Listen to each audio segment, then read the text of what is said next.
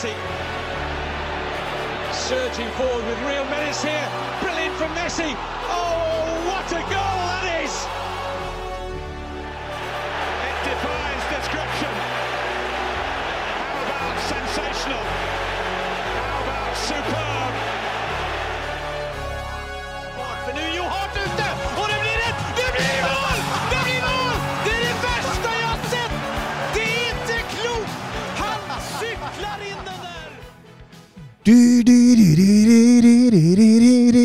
Velkommen til episode 100 Nei, ikke 100. 200, faktisk. Fanken, altså. Gå bakover. Ja, 202 av den eksklusive fotballpodkasten 90 minutter. Jeg heter stadig Thomas Edvardsen, og med meg i studio er jeg som vanlig mannen med den gylne pistol, Mats Granvold. God kveld. God kveld. Og ikke minst mannen som hater alt og alle, mister Søren Dupke. Jeg hater ingen, hallo, hallo. Alt bra siden sist, Mats? Det har jo vært et par uker siden nå. Ja, bare to, da.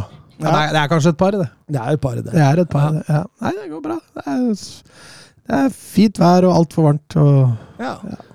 Tor Kjetil hadde plassen din eh, sist. eh, Hva er det du dreiv med da?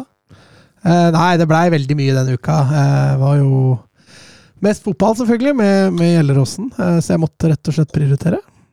Eh, og da, da havna denne podkasten på andreplass eh, denne uka. Du får, du får mindre penger av oss enn av Gjelleråsen, si. Ja, det er ikke mye. Men ja, lite grann. Eh, Søren, hva med deg? Alt bra? Ja, jeg har det veldig fint. Jeg koser meg skikkelig med været nå. Det er jo nesten for fint til å sitte inne i et studio nå på en ja. så vakker kveld som den er. Kunne hatt live på Aker Brygge med en oh. pils og noen reker. Oh, vet du hva, det hadde vært eh, helt fantastisk nå. Ja. Apropos live. Eh, til lørdagen så spiller vi inn livepodkast eh, på det gamle biblioteket i Oslo i forbindelse med Champions League-arrangement der nå på, på eh, lørdag. Eh, arrangementet er gratis i god 90 minutter ånd. Vi vil jo at mest mulig underholdning skal være Det skal ikke koste skjorta, i hvert fall. Eh, og du vil få fotball, eh, noe godt å drikke på, quiz, DJ og mye, mye mer. Så det, det, det anbefales. Vi skal dit med Paul Thomas Clay, vår eh, favorittkommentator, så det blir ålreit. Det blir gøy. Det blir gøy. Eh, gleder du deg, Søren? Ja, hadde jeg vært med, hadde jeg gleda meg. Å, det var dårlig gjort. Åh. Ja, den er tøff. Ja, den er tøff, særlig fordi eh, altså, det blir jo fantastisk med en tur til Bergen. Og Bergen er en fin by, og jeg skal kose meg i uh, ca. to døgn. Uh, men den main eventen i, uh, i Bergen, uh, den fotballkampen som spilles på Brann stadion eh, 1915, den altså, Jeg er litt skeptisk til hvor god opplevelse selve, selve kampen blir, da, for å si det sånn. For, Ja, eh, ja, og det, det, det Ja. Vi får se. Det, blir nok gøy med tur, men eh, selvfølgelig veldig, veldig kjedelig å ikke kunne være med på livepodkasten. Ja, når 90 minutter skal toppe det, da stikker eh, Søren til uh... Og Bonnerød i Bergen. Ja, Mm. det, det, det er timing. Ja, det vil jeg påstå. Men vi kommer, Mats, og vi kommer med godt smil og skal uh, ha det veldig, veldig gøy. Så det, det anbefales alle, altså. Gratis. Uh, hiv dere på. Se kampen sammen med mange andre. God stemning, og så skal vi holde litt show. Det blir bra. Det blir bra. Em, vi har et eh, fullpakka program i dag òg. Ja, det er jo gøy. Ja, ja. Så det er jo egentlig bare å, å smelle i gang.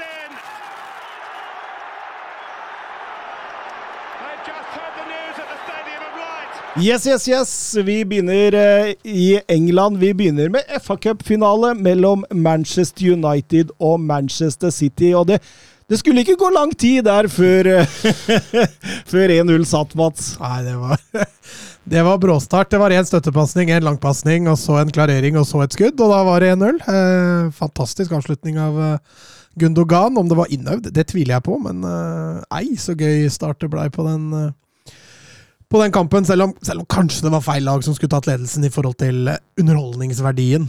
Mm, mm. raskeste mål i en FA Cup-finale noen gang, Søren? Ja, og den har jo blitt spilt eh, siden 18, eh, 1800-tallet, så det er jo eh, litt av en prestasjon eh, å bryte ned den rekorden i 2023. Eh, Nydelig. Eh, Tidligere rekordholder Louis Saha. Den er også ganske ny, fra 2009. Eh, Skårte for Everton i finaletapet mot Chelsea og Didier Drogba der. Mm, det er sikk, altså sikkert på 1800-tallet og starten av 1900-tallet. Spillerne var ikke atletiske nok til å komme opp i løpet av så kort tid. Ehm, og det er jo City som kjører her fra start. Det er jo nære 2-0 rett etterpå med Rodri. Det blir en tøff start eh, for Manchester United, men, men etter hvert så får de mer eh, kontroll på det defensivt. Ja, de gjør det. Eh, de, klarer å, altså, de klarer å stenge sentrumet ganske godt. Det er jo litt sånn tett på uh, de to kreative i, uh, i det sentrale City-spillet i Gundogan og De Bruyne. Jeg syns Fred og Casemiro kommer seg tettere og tettere på. De, det var store avstander i starten. Der. mm. det var noe av det som skapte problemene til City, men så snart, til United. Men så snart de kommer seg litt tettere på, og du ser altså særlig De Bruyne, han vandrer jo litt ut mot kant for å finne mer rom.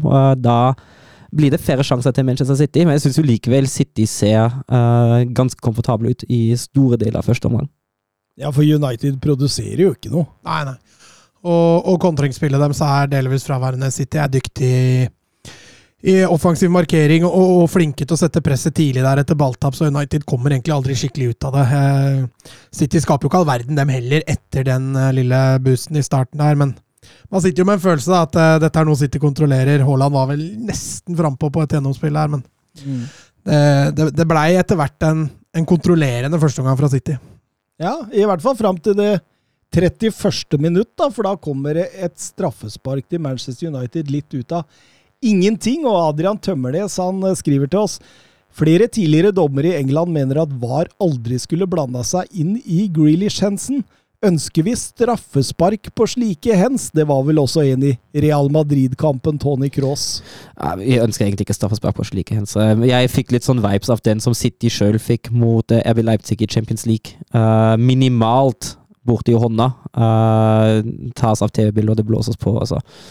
Men, men sånn det har blitt nå, er ikke det straffe? Jo, etter reglene er det det, sikkert. Det er sikkert riktig etter reglene, men jeg er bare så lei de deg. Jeg syns Altså, Eneste som taler mot Grealish, er at han er ikke en veldig naturlig posisjon. Men, men jeg er jo helt enig. altså Han har ryggen til, han har ikke kontroll. han Jeg syns det er litt Ja. Kort avstand. ja, altså, altså, Han er så vidt borti, jo. Det er vel to-tre fingre som er borti den. Eh, Ja, men det bør jo ikke spille noen rolle sånn, egentlig.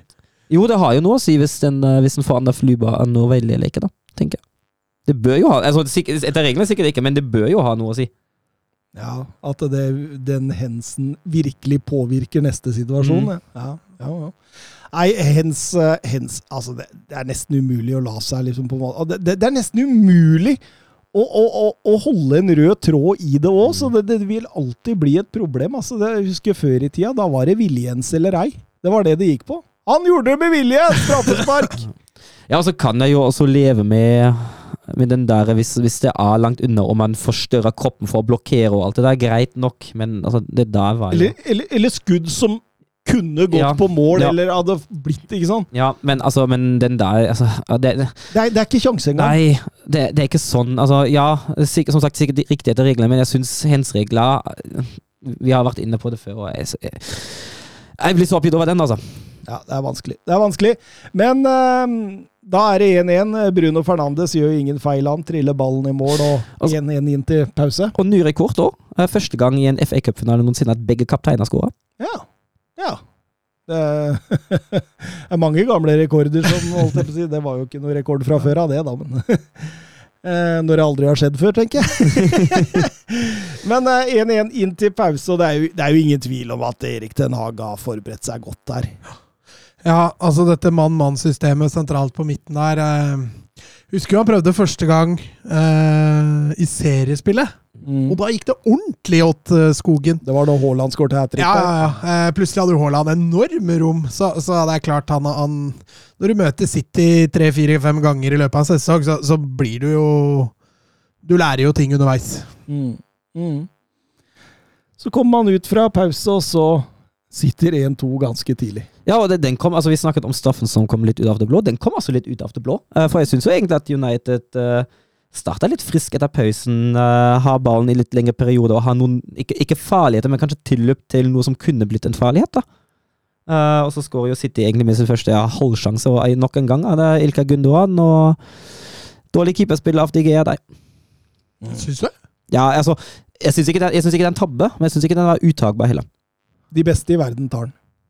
Det er jeg ganske sikker på. Ah, er sikker Altså, på han, han står på feil bein, det er greit nok, og han ser han seint, det er også greit nok, men Men jeg, jeg ser ballen kommer sakte, men han, han ser, at det tar lang tid før DGA ser ballen. mm. Hvis, jeg mener hvis han skal Men kritiseres da må for du flytte deg, da. ja, det, det jeg Hvis han skal kritiseres for noe, så må det være posisjoneringa si. da.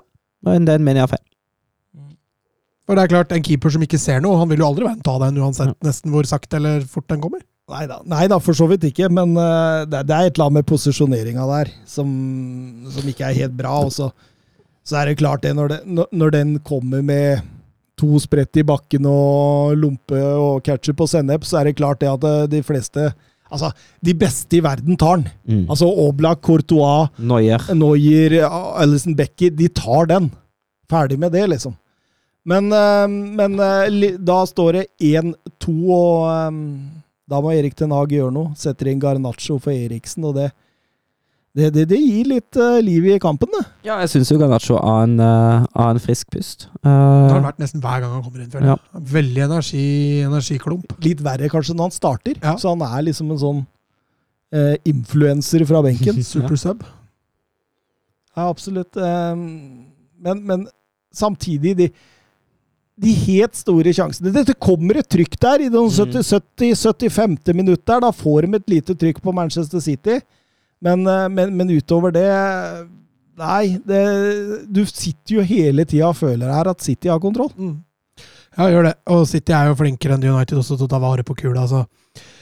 Eh, ja, du kalte det trykk, det er greit. De, de får flytta opp litt og får noen gjenvinninger høyt i banen, men, men så, lenge de sto, så lenge de ikke greier å skape det trykket foran mål, da, så, så Mm. Jeg er enig med deg. Du føler City egentlig har kontroll, selv om det bare er 2-1. Mm. Det må liksom en tilfeldighet til da, før de skal greie å skåre. Ja, og det var en tilfeldighet på overtid der som holdt på. Hvem er det som header, header i tverrliggeren der? Det er, Er ikke var, Va- Varan det- Er ikke Varan? Er det det? Nei, I duell med Stones, tror jeg. ja. Også, det, fordi det, Først er det McTomney som kommer på et løp inni der. Og han bommer jo på ballen. Mm. Og så går ballen tilbake igjen, og så blir det en duell der. Jeg tror det er Varan som header i tverrleggeren. Ja, men men da er det en, en City-spiller på streken som Ja, prøver okay. å heade. ja, ja, Men han treffer, han treffer jo tverrleggeren. ja, Det hadde vært litt funny om det hadde vært Maguire, faktisk. Det kunne vært Hedde tverrleggeren istedenfor ballen. Og da vinner eh, Manchester City FA Cup-finalen, og Pep Guardiola er den tredje manageren i England som vinner det dobbel mer enn én gang. Dere kan sikkert tenke dere hvem de to Ferguson, andre Wenger ja. er. Det var helt riktig. Ferguson og Wenger. Sa du ikke tre? Tredje manageren. Oh, ja. ja. Mm. Så får vi se om det blir the treble. Det er ikke umulig. August Landstad spør hvis Haaland vinner Champions League i helgen også, kanskje til og med skårer i finalen, har han da egentlig noen Ballon d'Or-utfordrere? Det kommer litt an på i hvilken grad uh, VM teller inn, og hva Messi velger å gjøre. Uh, det kan hende at Messi belønnes uh, for et VM-gull. Eh, for, fordelen til Haaland er jo at det VM-gullet ligger lenger tilbake i tid enn Champions League-finalen. Og man husker jo gjerne det som, var, som har skjedd nyligere først. Um, eneste andre jeg kan se for meg som ikke kommer til å være en utfordrer, er jo Kevin De Bruyne fra sitt eget lag. Men uh, da, det tror jeg egentlig ikke Der, der tror jeg Haaland tar det med tanke på rekorden han knuser. Eh, Ballon d'Or er ikke det for 2023? Jo, men jeg tror Jeg, jeg veit ikke om i hvilken grad VM teller inn. De driver og snakker på grunn av VM, så Mm. kan Messi vinne og sånn. Ja. Men jeg, jeg, jeg jo tenkte det. At det, For, det, ja, det skulle jo egentlig vært for 2023. Da bør jo ikke VM ha en dritt å si, da. Mm, ja. Nei, sånn egentlig ikke. Og da Ja, for jeg, jeg husker jo, husker jo EM i 96, og Scherer bør jo ha Han bør ha- bør ha gode muligheter, han òg. ja. Nei, det er vel eh, Ifølge oddsen da, så er det vel bare Messi som, som eh, er på linje med Haaland her, så det Men det er klart, skårer han hat trick i den finalen, så det er jo ikke noe vei utenom. ja, Med mindre han, eh, han forsvinner fullstendig i uh, La oss si Messi høsten. drar til Østen, ja. Ja, nei, altså si, si Haaland ikke spiller Nesten, nesten ikke Messi drar til øst. ja. Men, Nei, men si Kina, liksom. Nei, altså østover. Østen. det- altså det eneste som kan stoppe Haaland hvis han skårer hat trick nå, er jo egentlig en langtidsskade, at han ikke spiller hele høsten eller noe sånt. tenker jeg. Det er sjukt hvis vi får en norsk Ballon d'Or-vinner. Det hadde Altså, det var helt utopi for fem år siden. Absolutt. Eh, Ole Haaland. Jeg blir nervøs, skriver han, om vi skal splæsje en 80-90 på Mason Mount. Er det virkelig det vi behøver? Jeg skjønner ingenting, og sikter da selvfølgelig til Manchester United, da han er United-fan.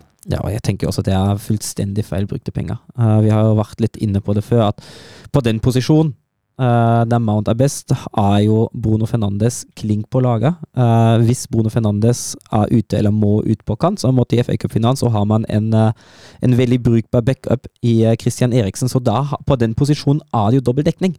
Det er jo fire andre posisjoner der man heller bør bruke penger, og så bruker man en, hvis, hvis man skulle bruke 8-90 millioner òg, det er jo en betydelig sum.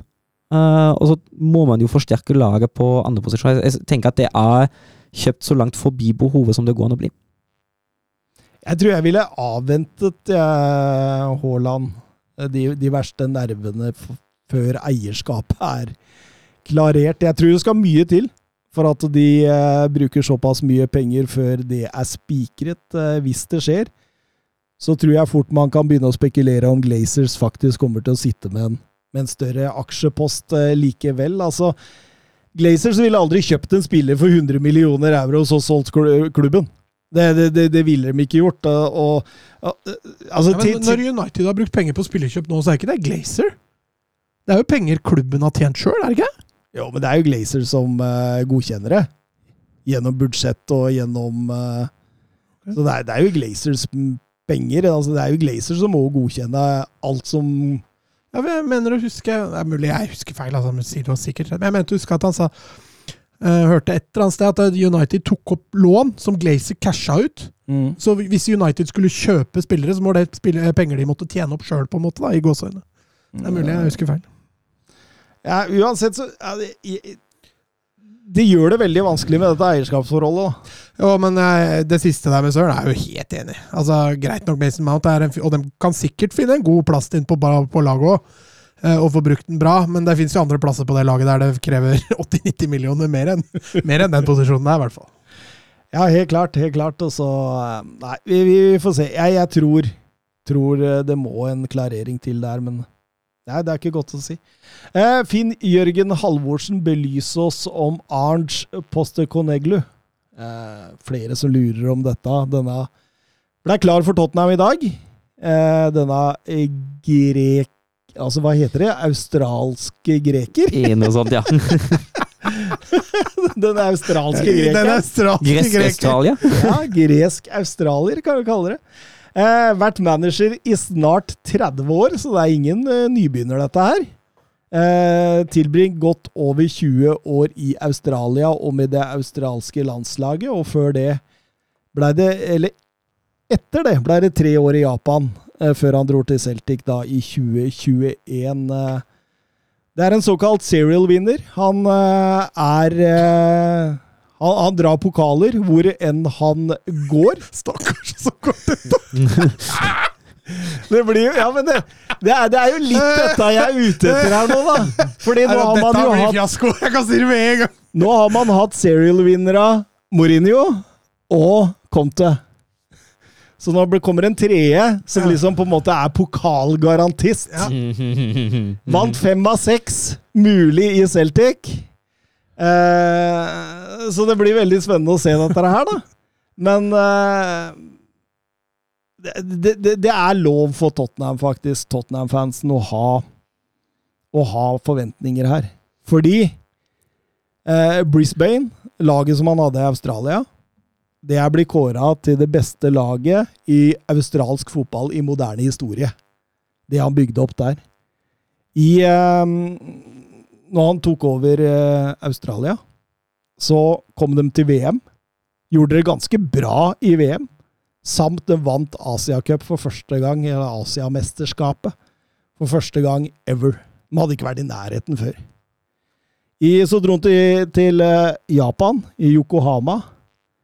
Og der eh, fikk han skussmål fra Guardiola om at det var et av de mest råeste lagene han hadde sett utafor Europa. Som eh, han hadde mekka sammen der. I Celtic har han vunnet fem av seks. Og de har skåret så mye mål at vi må tilbake til 1936! Sist Celtic skårte like mye mål i, i løpet av en sesong. Så det er jo åpenbart at dette er en ka- kar som, som veit hva han driver med. Eh, har en veldig klar offensiv 4-3-3-stil.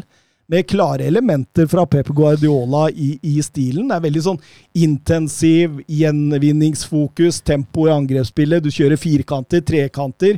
Vending av spill. Bruker veldig ofte eh, å spille på seg press, for å så spille dem raskt ut av pressoner. Og skape eh, korridorer. Altså, dette, denne Kevin De Brøne-korridoren rett utafor 16-meteren. Skaper veldig ofte de. Overtall, rask vending og ut. Og er veldig sånn Veldig jeg, jeg, han, han må ha noe Pep Guardiola.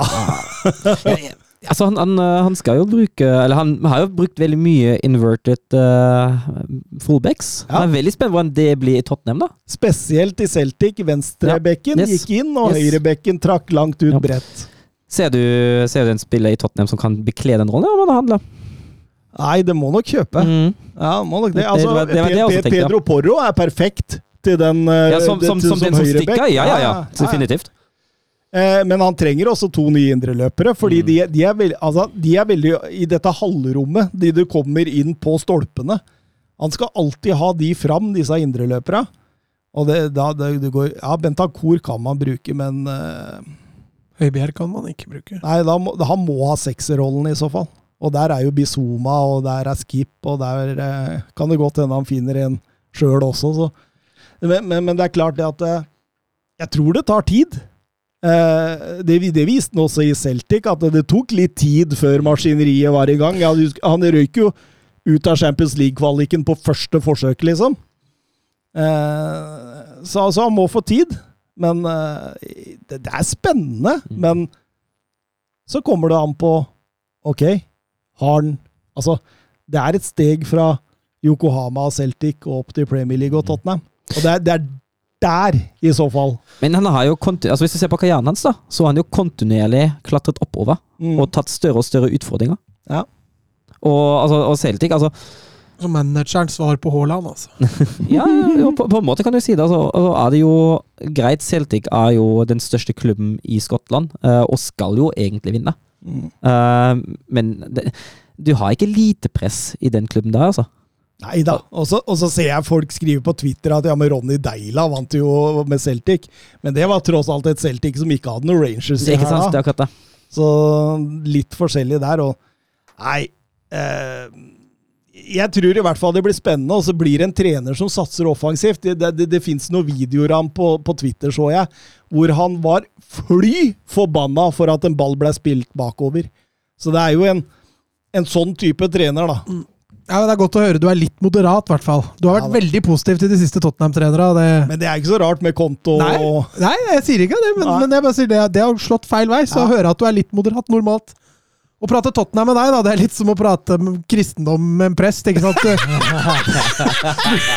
du, kan, du kan komme med all mulig fornuftig argument, men du bare, du bare dytter det til sida. Du vil ikke høre det. Så det er litt godt å høre at du, Ja, ja. du er litt jordnær nå. At du, vi avventer litt, og så håper vi det går bra. Ja, ja. Det er nøktern optimist, Ja, heter ja, det. og det, det syns jeg er fornuftig. Ja, ja. Eh, Petter Martin Støvland, hva mener dere om at Tottenham skal raide nedrykkslagene? Nei, det er jo mye altså Vi har, vi har snakka litt om det i forrige episode. Det er jo mye å hente der. Eh, Det er mye kvalitet i nedrykkslagene som skal hentes, og Medison var man jo interessert i forrige sesong allerede. Uh, samtidig er det jo litt Jeg tror også det er litt preget av at uh, Tottenham uh, ikke kan skilte med noe internasjonalt spill, som andre direkte konkurrenter på overgangsmarkedet kan. Og så er de litt billigere, de spillerne, da. De, Altså, Altså, Madison, Harvey Barnes og James Ward Prowse? Og nydelige signeringer, spør du meg. Mm. Ja, for all del. Eh, de, de tre navnene du nevner her, er vel kanskje de tre fremste. Uh, Mm. Leicester har vel kanskje en back eller to som også kan være interessant, pluss en sittende midtbanespiller Mm. der, så det fins mye snacks. Og, og, og Southampton har noen gutter som er veldig lovende. Eh, Alcaraz, Sulemana Det er mye bra fra Southampton. ja. og eh, Leeds og Nei, det er kanskje ikke så mye, men mye kvalitet der òg. Mm. Så Lester eh, friga ganske mange spillere i dag. Det var, det var lista, altså. Det var en liste, så det er åpenbart man må begynne litt på nytt der også. Eh, Fredrik eh, Stjerna ble Tottenham Nei, ble Tottenham. Nå kaller jeg meg sjøl Tottenham. Faktisk. Ja. Thomas Tottenham. Faen, kanskje jeg skulle begynne på det? Mr. Tottenham. Mr. Tottenham. Primus motor i Tottenham. Om du ropte opp et sted, så er det Mr. Tottenham. Blei Thomas litt mer engstelig for Harry Kane nå som eh, Karim Benzema forsvant over natta? Ja. Eh, som sagt, eh, jeg tror ikke Harry Kane går til andre Premier League-klubber enn potensielle Manchester City, men nå er jo den forsegla. Tror ikke han hadde gått til Bayern München.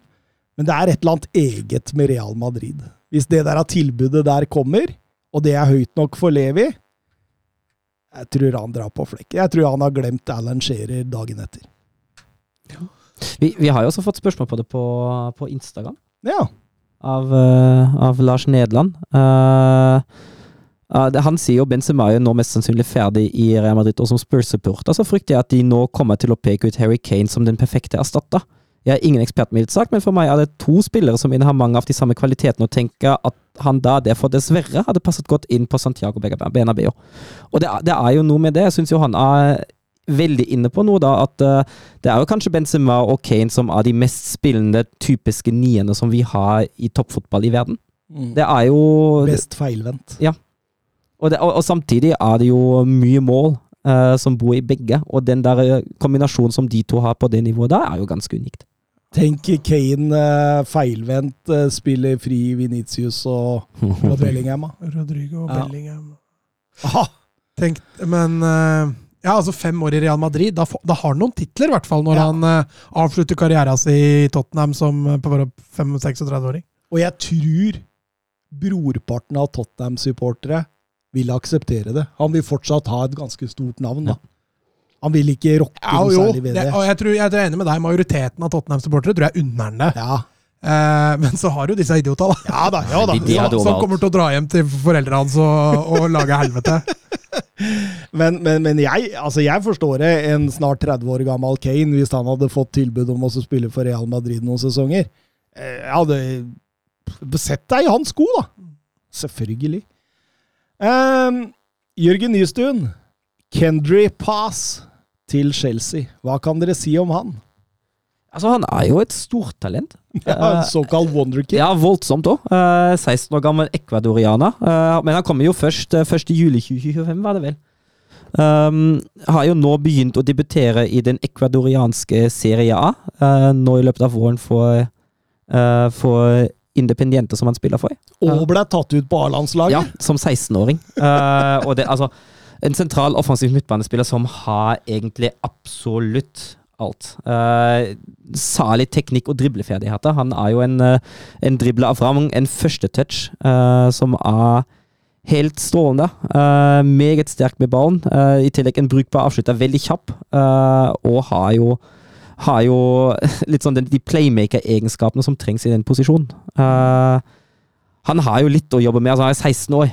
Eh, det er jo noe fysikk da som ikke er helt på plass enda. Høyrefoten hans kan bli bedre, og han har nok eh, noen mentale ting. Han eh, kjefter veldig mye på dommerne og medspillere når det går dårlig. Men at dette har, er et voldsomt stort talent, er det ikke noe tvil om. Kjefter mye på medspillere i en alder av 16 år. Det, Nei, det er tidlig på senior, eh, seniornivå, men så en, en eh, få retta opp litt i den garderoben til Chelsea der, så tror jeg han er fin å få. Kan, han kan røre litt i gryta, som Geir Bakke ville. Må vente til 2025, som Søren er inne på der. Men han sier sjøl at han har, blitt henta masse inspirasjon fra Lionel Messi, så Dette blir jo en signering i gata Real Madrid gjorde med Endrick. At uh, Ja, Venitius. Ja, og jeg, jeg, jeg tror disse avtalene på en måte De kommer til å bare se mer og mer av. Hvor klubbene nærmest Altså, de kjøper seg nærmest en forkjørsrett, da. Altså Ja, men de må fysisk For jeg tror du har sett masse avtaler som har gått i vasken, selv om du har en muntlig avtale. mm. Så jeg tror jeg er enig med deg at dette er kanskje en del av framtida på de største søramerikanske talentene, hvor du faktisk må kjøpe dem, Mm. og så låner du dem heller ut til de er 18. Mm. Eh, sånn som Real Madrid har gjort med Venitius og, og, og Rodrigo og, og nå Endrik. Og, City har jo også gjort det med et par søramerikanere, så, så det, kan, det er nok den veien det går. Det er nok det. Oskar Carveio Holm, McAllister klar for Liverpool i løpet av de nærmeste dagene. Enten Manu Kone eller Krepen eh, Tyram inn som eh, de neste. Hvilken av disse er å anbefale å gå Liverpool riktig vei nå? Jeg syns McAllister er en, eh, er en god Klopp-signering. Eh, god i presset, eh, løpssterk, ganske kreativ. Så det vil da si at de er ikke så sårbare når Tiago kommer til å bli skada igjen. Eh, så jeg syns de er inne på et rett spor med, med Alexis her, når de velger å, å ikke splæsje på, på Bellingham. Jeg har også lyst til å slå et slag for Manu Kone. Det er jo riktignok den spilleren av de to som jeg uh, kjenner best til. Uh, men jeg mener at dette hadde også vært, uh, akkurat som McAllister, en uh, veldig veldig god kloppsignering. Han er aggressiv, han er sterk. Han leser spillet, han takler, han presser. han er en god boks-til-boks-spiller. I München-Glattberg har han veldig ofte spilt som en av de to dyptliggende i en 4-2-3-1, men da som den litt mer offensive. Mm. det er en en åttende, eller kan fungere også som en spillende sekser. Uh, han finner gode, effektive løsninger. Han er en ballbare, han er pressresistent. Uh, samtidig er han veldig toveis. Han fungerer både i det offensive og defensive spillet. Uh, han skårer og assister ikke voldsomt mye, men i, de, altså i, alle andre spillets faser så er han, er han ganske god. Han er jo veldig ung fortsatt, så det er mye potensial som bor i ham. Jeg syns han er bra erstatter for Hender Henderson. Mm. Tenker jeg òg. Absolutely. Um, vi skal over i årets lag i Premier League. Det blir noen tøffe avgjørelser, da. ja, det blir noen tøffe runder her, tror jeg. Um, skal vi bare gjøre sånn som vi normalt sett gjør, at uh, keeper vi begynner et sted, og så tar vi runden? Ja, det kan vi gjøre. Da begynner vi med Søren. da. da hva har du på keeperplass? Har, det står mellom tre for meg. Eh, det står mellom Alison Bekke, det står mellom uh, Raja, og det står mellom Nick Pope. Det er de tre som jeg mener har utmerka seg mest. Og det er en vanskelig avgjørelse, det der òg. alle tre kan forsvares. Jeg har, jeg, har, litt sans for han Raja, jeg. Men det er ikke noen sterke følelser knytta til det. ja, faktisk Ramsdale. Ja, ja, han, ja Nick Pope. Ja. men, men, altså, det går litt på Det er mulig jeg er litt, det er litt dårlig gjort overfor Alison, blant annet, da. men forventningene til Nick Pope var jo ikke like store. Mm. Så jeg syns han har overgått ja. seg sjøl litt mer. da. Litt mer enig med deg med Raja akkurat der. Så er det klart at hvor setter vi lista? Og jeg syns jo Newcastle og Pope har hatt en bedre sesong enn Alison og Liverpool. Mm. Ja, altså, jeg, jeg, bør ikke slåss for Ramsdale. Nei, Nei Jeg blir overraska hvis du ja. kliner til for å få inn en Arsenal-spiller. Altså, jeg vurderte Ramsdale, men så var det altså, Han har en veldig god sesong, men så kom det en del tabbe i ja. den avgjørende fasen. Det var det som gjorde at han ikke havna på topp tre hos meg. Altså. Jeg kjøper den. Jeg kjøper den. Men uh, da går jeg også for Pope. Ja, vi kan godt gå for Nick Pope. Det er helt greit for meg. Den er grei. Da skriver vi en annen keeper. Mats Trippier. Ja, enig. Jeg har ikke noen gode konkurrenter, heller. Nei, han var ganske safe der, altså. Ja, han var det. Han var faktisk en av de som jeg følte var litt klink. Altså, eh. det er flere som er klink i det laget, her, det, det ullår jeg meg litt feil, men, men, hvor vi setter dem hen, det er vel det som blir uh, litt utfordringen der. Den nærmeste utfordringa jeg faktisk fant til, til Trippier, det er Emerson Royal. Mm. Når han var på sitt beste i de månedene før han ble skada. Da var han strålende. Hadde han fortsatt da, og ikke fått den skaden, og fortsatt ut sesongen, mm på, på, det nivået han drev, så kunne han konkurrert. Men uh, utover det Jeg tenkte litt på Ben White, jeg tenkte på Kyle Walker. Ja, Kyle Walker hadde jo en veldig god avslutning på sesongen, men uh, jeg syns Trippier sin sesong i helhet er uh, Ikke en klasse for seg der å ta i, men jeg, men jeg syns han er ganske klink. Mm. Venstrebekk, der fant jeg tre stykker som jeg satt og vurderte lenge på.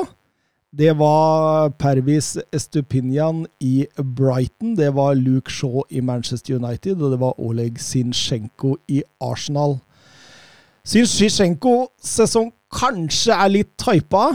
Eh, Estupinian hadde vært gøy, men jeg faller på Luke Shaw til slutt. Jeg er litt uh, enig. Estu, Estupinian, jeg har han på nummer to. Uh, men jeg har Zinchenko på én. Jeg syns formen hans dabba litt på slutten. Litt samme som Ramsdale, egentlig, og resten av Arsenal.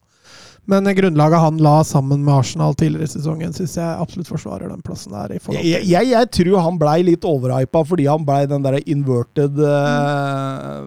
Man blei ikke overhypa. Ja, men det, det var veldig Altså, Han, han løste jo rollen sin veldig bra, og ja, var en viktig del av Arsenal både i frispillinga og etablert off. Jo, men han var ikke sånn voldsomt god. Eh, det, det var liksom sånn Han var Nei, altså, solid. s- sammenligner du med, med Messi og sånn, så jeg. Men, men som den rollen han hadde, da Så på den venstrebekken Det er jo ingen i Premier League som spilte på den måten der. Nei. Ikke det at det skal være et argument for at det ble han, men jeg syns han også løste det veldig bra. da, Og han har spilt sentralen før, så han, Nå avgjør jo Søren, så si et Estupinian, og så får vi et problem. jeg har sett Jacob. Ja, Da blir det det. Eh, Det står ikke jeg for, men det får dere stå for. du, er Eh, veld, du er veldig flink til å påpeke det når du er uenig, Ja. livredd for å bli Ja, men tatt. det, det, jeg tror det er jeg som får mailkassa mi mest fylt opp etter hver episode. Så da, da må jeg bare liksom presisere dette nå. For det, det er noe jeg tror jeg hadde fått noen meldinger Går det an å få mailkassa si fylt opp? Ja, faktisk. Eller det er ikke mail, det er, er Twitter-innboksen. Ja, den kan bli full. Ja, det, det, det, det føles sånn ut okay, noen ganger. Okay. Spesielt etter innspilling. eh, s- stoppere, da, Søren. Du kan ta to. det- Den, den er vanskelig. Den syns jeg er fryktelig vanskelig. Uh, Rom Diaz har spilt fremragende nå han har spilt, men vært i startelveren i 58% av kampene. For meg holder ikke det helt. Eh, John Stones har løst den rollen han har hatt, på en glimrende måte. Uh, og Akanji har egentlig overgått forventninger jeg hadde til begge to. Jeg syns begge to har, har vist seg som meget habile Premier League-spillere, så nå har jeg nevnt fire City-spillere. Uh, Saliba, glimrende i Arsenal fram til han ble skada. så falt Arsenal sammen. Eh, Båtmann uh, meget sterk i Newcastle United. Uh, Lisandro Martinez sterk for Manchester United. Jeg syns den er vanskelig. Jeg syns det er mange gode kandidater på den posisjonen. Ta med Varan nå, da, så har vel dekka, Ja, Varane- Varane dekka, dekka nevne, de ja. fleste der. Jeg havna under tvil på Saliba og Stones. Men jeg kan de, Alle de som jeg nevnte nå, pluss Varan, kan fint argumenteres også.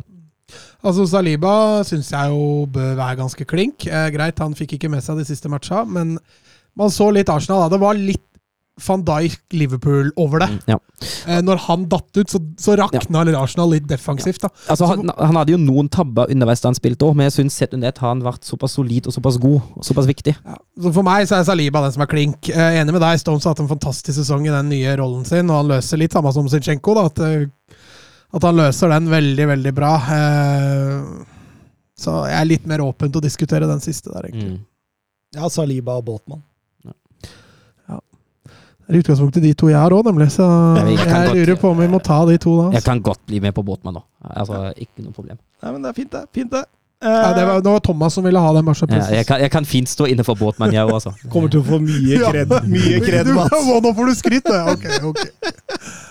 Høyre kant.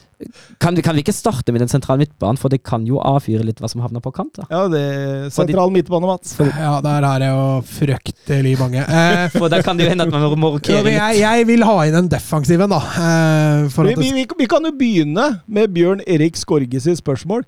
Jeg orker ikke flere årets lag uten Palinja. Må være sesongen desidert mest undervurderte spiller i Premier League. Fulham klink nedrykk uten han. men jeg er jo enig i resonnementet hans her, at eh, Fulham ville vært på, en- godt på nedre halvdel uten han, og kanskje årets signering i, i Premier League. Eh, utfordringen her òg er at Rodri har også hatt en kanonsesong. Casemiro har hatt en kanonsesong. Eh, så hvis Martin Ødegaard. jo, men hvis du skal ha én defensiv og én offensiv, da, Ja. så, så setter jeg Palinja, Casemiro, Rodri og Gimarez på den defensive. Gimarez, greit, vi kan eh, flekke han bort, men å skille de tre der siste der, den er, eh, den er ekstremt vrien. For det du tenker nå, er at Martin Ødegaard er klink. Nei, jeg er ikke Martin Ødegaard Nei. klink. Men jeg, jeg har den med. Altså, jeg har Ødegaard, Gundogan, Fernandes, De Bruyne. Og så har jeg også med Saka, Sala, Martinelli, Grealish. men hva er valget her inne? Nei, jeg har ikke klart å velge. Så blir jeg og Søren som bestemmer dette. Nei, altså. ja, men jeg, kan, jeg kan godt ta det litt sånn på sparket nå, da. Eh, men jeg vil Altså, jeg Sorry, Skorge, men jeg, jeg lander på Casemiro. Eh, viktigheten han også har for United, den, den er minst like viktig som Palinja har vært for, for Fulham. Det har man sett på resultater. Eh, jeg må da nesten også ta med De Bruyne, eh, når han også kom i gang. Ah, den er Gundogan har vært fantastisk. Ødegaard. Nei, jeg klarer ikke. Det går ikke. Jeg har Ødegaard og Rodri i den posisjonen. Jeg kan være med på den, hvis vi skyver De Bruyne på venstrekant. Det gjør vi. Ja, for da, da, den, den løsningen foretrekker jeg òg. Den er helt fin for meg. Ja, da Eh, skriver jeg under på det. fordi jeg mener at altså, De Bruyne med 18 assist han kan ikke, altså, Enheten har svake faser, men altså Det er Ja. Ødegaard. Men, men, men jeg eh, Bjørn Erik Skorge, det, det, han treffer 100% på det han sier her. Ja. Men, men poenget er at eh, du har noen som er astronomisk gode, og så er du noen som er underjordisk, eller overjordisk, Mm. er det gode? underjordisk. og, Da er du dårlig, da. ja, men ikke sant? Og det, det er liksom det Da er det veldig vanskelig å velge han som havna midt på tabellen. Eh, så, så, så, jeg, så jeg skjønner poenget hans, men altså, du kunne tatt med Da er det Saka på høyre, da, eller? Ja. Det blir jo det. Mm. Det blir Saka på høyre eh, og Kevin De Brøne på venstre. Det er, det, er, det er et strålende lag, dette her vi setter opp her nå, altså. Ja, altså, hvis, hvis du ser på benken, er ikke den dårlig heller. Nei, jeg har ikke tatt med noe benk. Nei da, men, men, vi, vi kan eh, kjøre på videre med spørsmålet fra Petter Støvland. Eh, Følger opp skorget Skorge sin, jeg. Hvordan i huleste klarer eksperter, eller såkalte eksperter, skriver han der, å utelukke Kane fra årets lag? Er det mulig å ta dem seriøst etter dette? Nei, jeg synes, altså Det å ikke ha med Kane på årets lag, det syns jeg er fryktelig tullete. Jeg har sett noen flere varianter der man kjører en 4-3-3 med Rashford eller Martinelli på kant. Eh, Ja, og det er da jeg tenker da går det an å forsvare det. ja, men da, da, tenk- nei, nei, nei, jeg Da gjør du som Vikestad, da. Setter Kane på en av kantene. Ja, det, det, det går fint an, det òg. Og så tenker jeg at altså, du, trenger, du trenger ikke å låse deg til en 4-3-3. Eh, hvis, du, hvis du velger fritt formasjon på årets lag, uh, så bør du velge den formasjonen der du har de beste spillerne. Uh, og akkurat nå er det en tospiss-spann som består der. Jeg, Jeg sesongen. er helt enig. Det er fryktelig vanskelig å komme utenom Kane. Altså. Det er ikke det. Ja, Så jeg er helt enig at det er useriøst å ikke ta med Harry Kane. ja. ja. Du undergraver deg sjøl som ekspert. ingen tvil om det, altså. Eh, så noen eksperter unnskyldte seg nettopp med det at de måtte sette det opp i 4-3-3. Hvem sa, Men- sa det, da? Eh, men, men, Nei, altså, hvem sa at de måtte? Nei, det, ja, hvem sa at de måtte, det veit jeg ikke, men de, de, de fikk, det var den formasjonen de blei gitt når de skulle levere årets lag. Da. Og, og da tenker jeg, da gjør du som Kasper Wikestad, altså slenger han inn på Fordi det går ikke an å komme utenom. Det, det blir for dumt, rett og slett. Ja. Nei, helt enig. Eh, altså eh, Harry Kane, det han har levert, den prestasjonen han har levert med Tottenham i store, store problemer Han har skåret 30 mål! Altså eh, Det, det, det er så innevilt. Jeg, jeg måtte gå tilbake bare for å sjekke spillere, hvem mestskårende spillere i lag som ble nummer åtte de fem siste sesongene. Og eh, i 17-18-sesongen var det Rooney for Everton med ti mål. Eh, I 18-19-sesongen så var det Rikarlison for Everton med, med 13. I 1920-sesongen var det riktignok Aubameyang med 22, men han kom også på årets lag. Eh, I 2021 var det Lacassette for Arsenal med 13. Og i 21-22 var det Wardy med 15. Så Harry Kane da, har 30. Det er dobbelt så mange som eh, mestskårende i fire av fem sesonger som ble nummer åtte. Det er ganske vilt. Så eh, nei, det er ikke noe diskusjon. Nei, jeg er helt enig med at, uh, at det å ikke ha med Harry Kane altså, det, det er ikke, det, Nei, det er ikke noe diskusjon. Det altså, det er de navnene du skriver ned, det er Haaland og Kane. Så bygger du resten av laget. Ja. Det er ikke noe å snakke om. Derfor så blir da årets lag for 90 minutter Nick Pope i mål, Trippier og Zinchenko på bekkene. Det blir Saliba og Båtmann eh, stoppere. Rodri, Martin Ødegaard sentralt, med Kevin De Brøne ut venstre og Saka ut høyre. Og Kane og Haaland på topp. Det er bra lag. Ja, Voldsomt bra. Um, før vi går over til Spania. Kim Jansen, årets mål i Premier League for panelets del. Hva ble det? Nå er jeg minnet som en gullfisk. ja, Jeg, jeg kan ta det første. jeg. Eh, jeg, jeg har sett meg litt oppå uh, det er så at spørsmålet kom. For det, det, er mange fine mål, og jeg husker jo få av dem. Men uh, for meg, å beklage Thomas, det er Thomas Party mot uh, Tottenham. Ja. ja, stemmer det. Var den raketten der? Ja. Ja, den, den var strålende. Jeg så årets mål, offisielle, Ja. blei Julio Encisco mot, uh, Ja. mot City. Mm. Oppi krysset der. da. Så jeg sier den, jeg, da. Jeg er frista å bli enig med Søren, men jeg er jo enig med deg, det er, Thomas. Den er eh, Altså, det er så godt utført. Altså, begge er eventyrlig godt utført, altså. Men uh, du får det jo ikke mer opp i krysset enn det Sisko gjør der. er Grunnen til at jeg velger Party, er rett og slett at det er også en stor kamp. Men hvis dere bare liksom sånn Ok, ikke nødvendigvis det fineste målet, men hvis dere lukker øya og bare tenker på et mål dere husker veldig godt Det er jo Party mot Spurs. Ja, ok. Ja, for, for meg så er det Almiron mot uh, Fulham. Den Mm. lange veggen hvor han på volley fra spiss vinkel Mm. setter den. Den husker jeg veldig, veldig godt. Jeg husker også Mikael Olysé eh, på, på eh, mot, eh, mot Manchester United der i siste minutt, hvor han tok rennafart fra pølseboden på, på North Stand der og, og banka løs. Hadde nå ikke noe å si, men Anthony mot Manchester City husker jeg også veldig godt. Mm. Det er noen sånne som brenner seg litt fast. Jeg, jeg tror jeg har Alzheimer. Jeg husker ingen mål, jeg nå, plutselig. Brassesparket til Haaland mot Southampton. Ja. Det var også Mm. nydelig.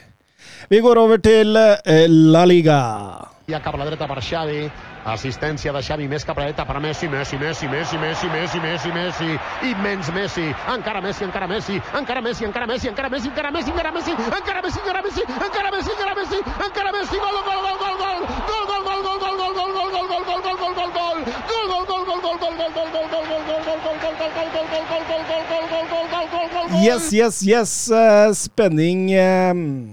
det, det, det.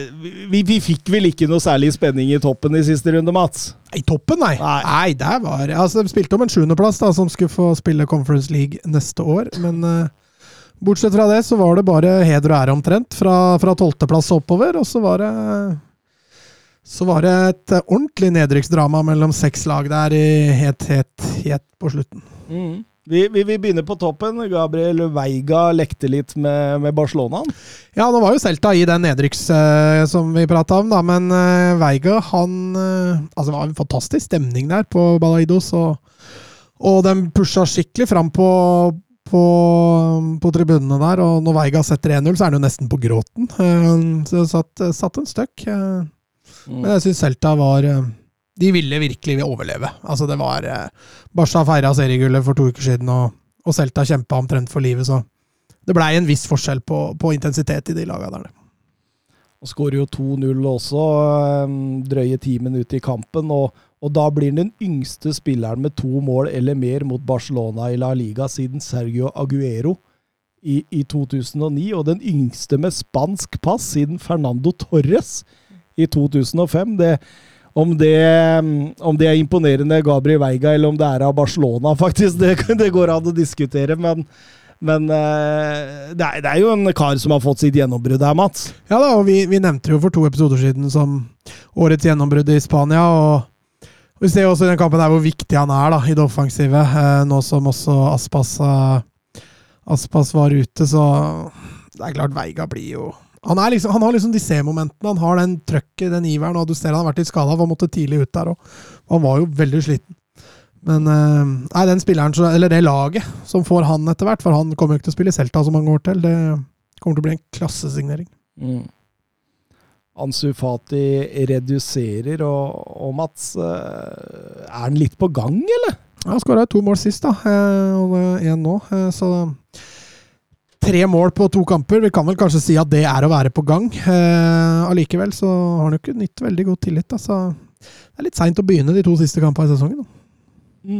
Men eh, Barcelona, ja De har vært eh, ferdig lenge nå, så eh, Seriegullet er sikra. Det, det, De feira han for lenge siden. Altså, det, det er jo vanskelig å holde det gående sånn nå, da. Ja, I hvert fall når du ikke har noe annet å sikte til. Ingen cupfinale, ingen internasjonale turneringer, ingenting. Eh, Nei, altså, roterer han jo litt. altså Marcos Alonso er plutselig inne i laget. Han, han holder jo ikke mål, det ser man jo underveis. Ferran Torres får en, får en start. Erik Garcia dyttes opp sentralt. Kessier får start igjen. Uh, Mm. Så, så det rullerer jo også litt, grann, Xavi, men, men for det så, så syns jeg de er litt langt unna. Altså.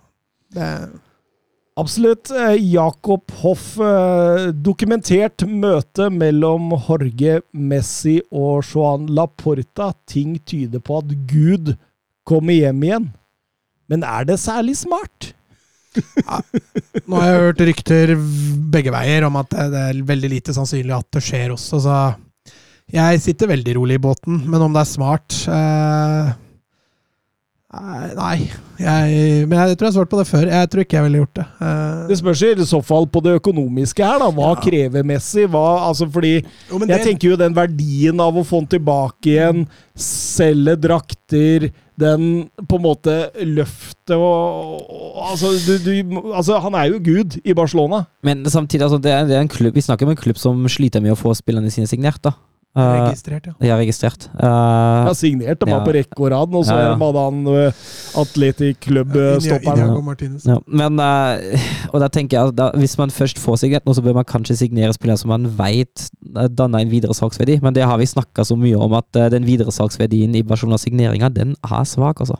Ja, for da så jeg de hadde lagt fram forslag til La Liga om hvordan de skal løse det, og La Liga var positive i forhold til å få signert Messi og, og et par andre. Eh, Men, men det krever en del spillersalg. Så jeg er ikke like positiv som Hoff med at, med at det går i orden. Jeg eh, heller litt mot at dette her ikke skjer. Mm. Mm.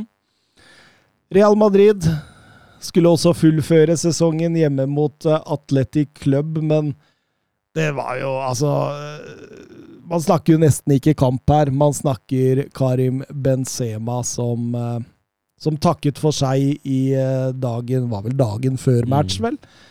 Eh, Eivind Stølen ber oss snakke Benzema og Saudi-Arabia, og det, det, det må vi selvsagt gjøre.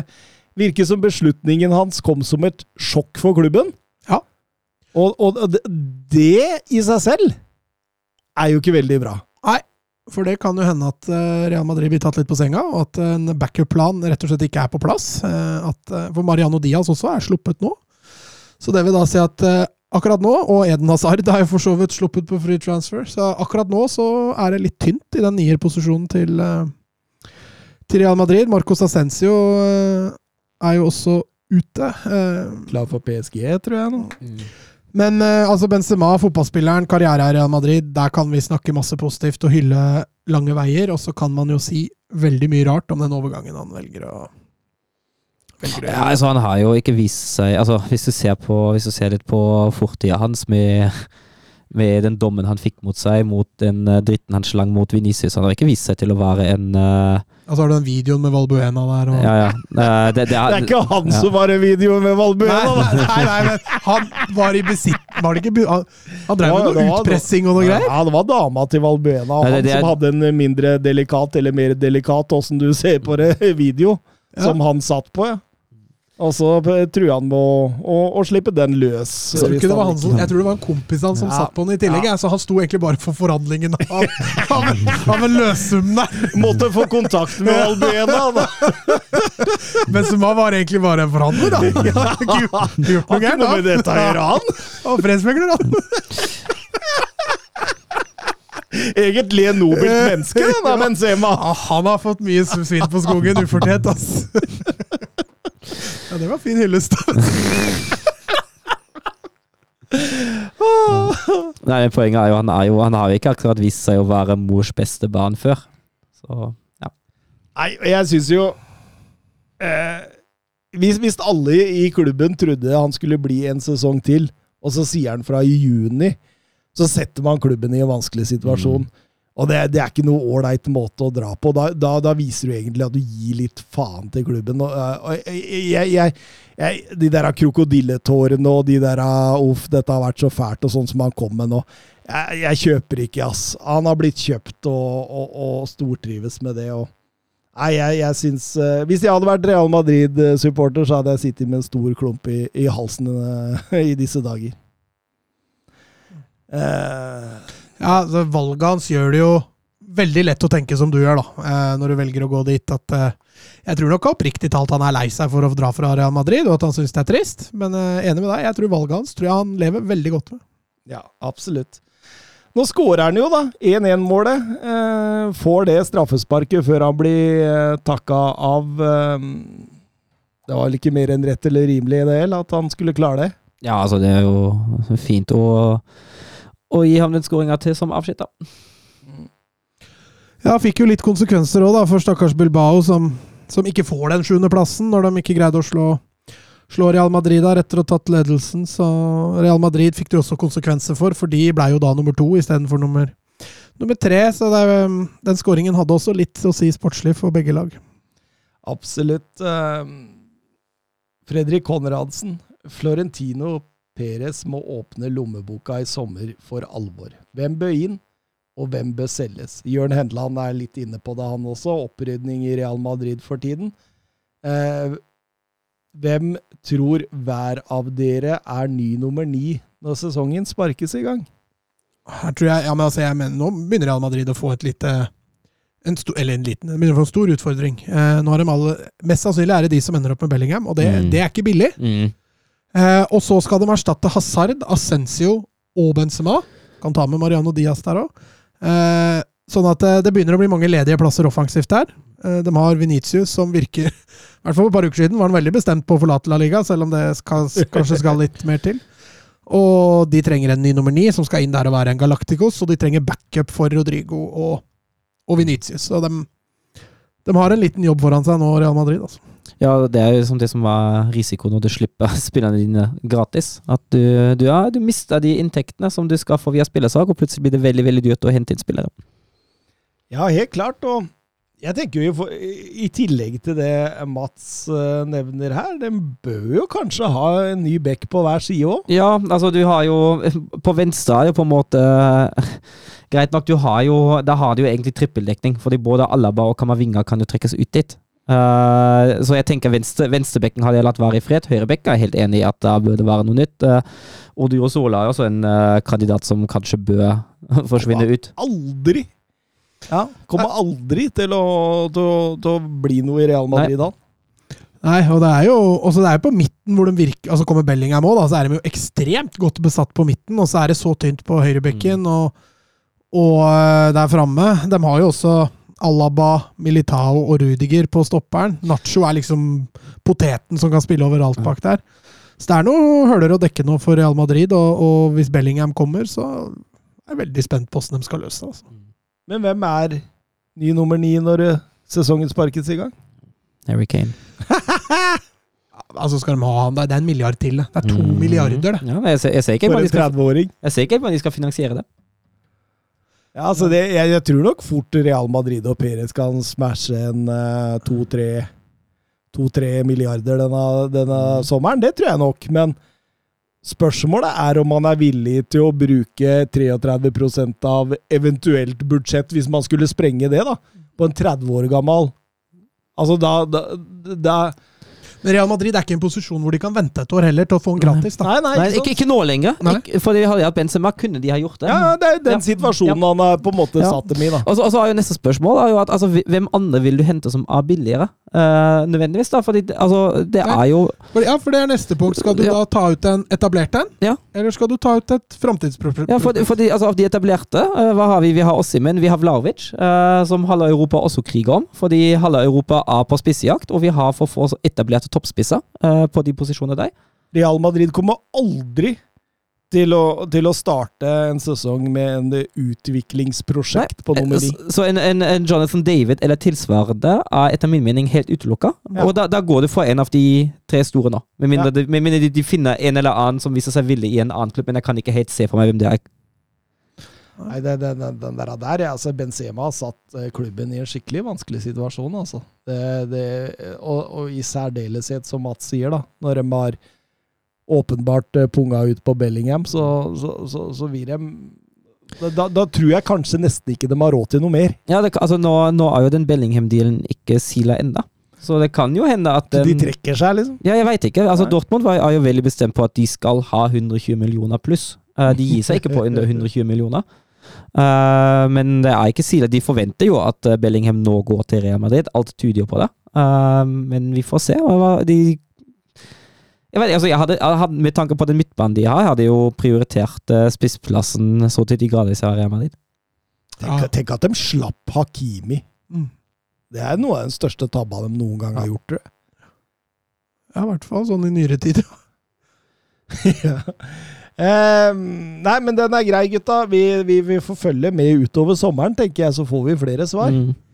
Eh, Atletico Madrid kunne jo da selvfølgelig gå forbi Real Madrid igjen, og da hadde de skifta posisjon i så fall eh, de fem-seks siste serierundene, men eh, det ville seg ikke helt likevel. Nei, eh, Nicholas Jackson som eh, har hatt en fantastisk avslutning på sesongen. Veit jo nesten ikke åssen man slutter å skåre. Starter jo ballet der for Villarreal, eh, og så er det litt eh, eh, Gorea Grismann-show som snur matchen. Så blir Aksel Witzel utvist, og etter det så Var det to røde kort? det var ett for å frata en stor skåringsmulighet, og ett for å plante Ja, jeg syns han løfter det to ganger der, så jeg lurer på om ikke han får fire kampers karantene nå. skjønner du. Det var Atletico Madrids åttende røde kort denne sesongen. Man må tilbake til 06-07 for å finne en sesong de hadde flere. Men Det er fryktelig tullete å bli utvist i en, uh, i en kamp helt i siste runde, da du egentlig ikke har noe å spille for. For om du havner på andre- eller tredjeplass, det har jo nesten ingenting å si. Jo, havne foran Real Madrid, tror jeg. Ja, men jeg Hadde hadde så mye å si at du gir 1000% og så får du rødt kort og går glipp av sesongstarten neste sesong? Ja, For meg personlig hadde det jo ikke vært det, selvfølgelig. Nei, ikke sant? Det er akkurat det. Og jeg, jeg, altså, jeg, jeg mener at det er i så fall dårlig, dårlig prioritering. For det var en unggutt som som var en- satte kjepper i hjulene for eh, andreplassen. Ja, en Jorge Pascal der som feira på merkelig vis. Når han, når han eh, redda poeng for Villarreal på, på overtid der. Villarreal som heller egentlig ikke hadde noe annet å spille for enn Var, var det den gamle fotballjentene? Ja, det var litt sånn krabbingopplegg krabbing, eh, krabbingopplegg der, ja. Stemmer det. Eh, jeg skal ikke si jeg ble flau av å se på det, men jeg dro litt på spillebanen. Jeg gjorde det. Mm.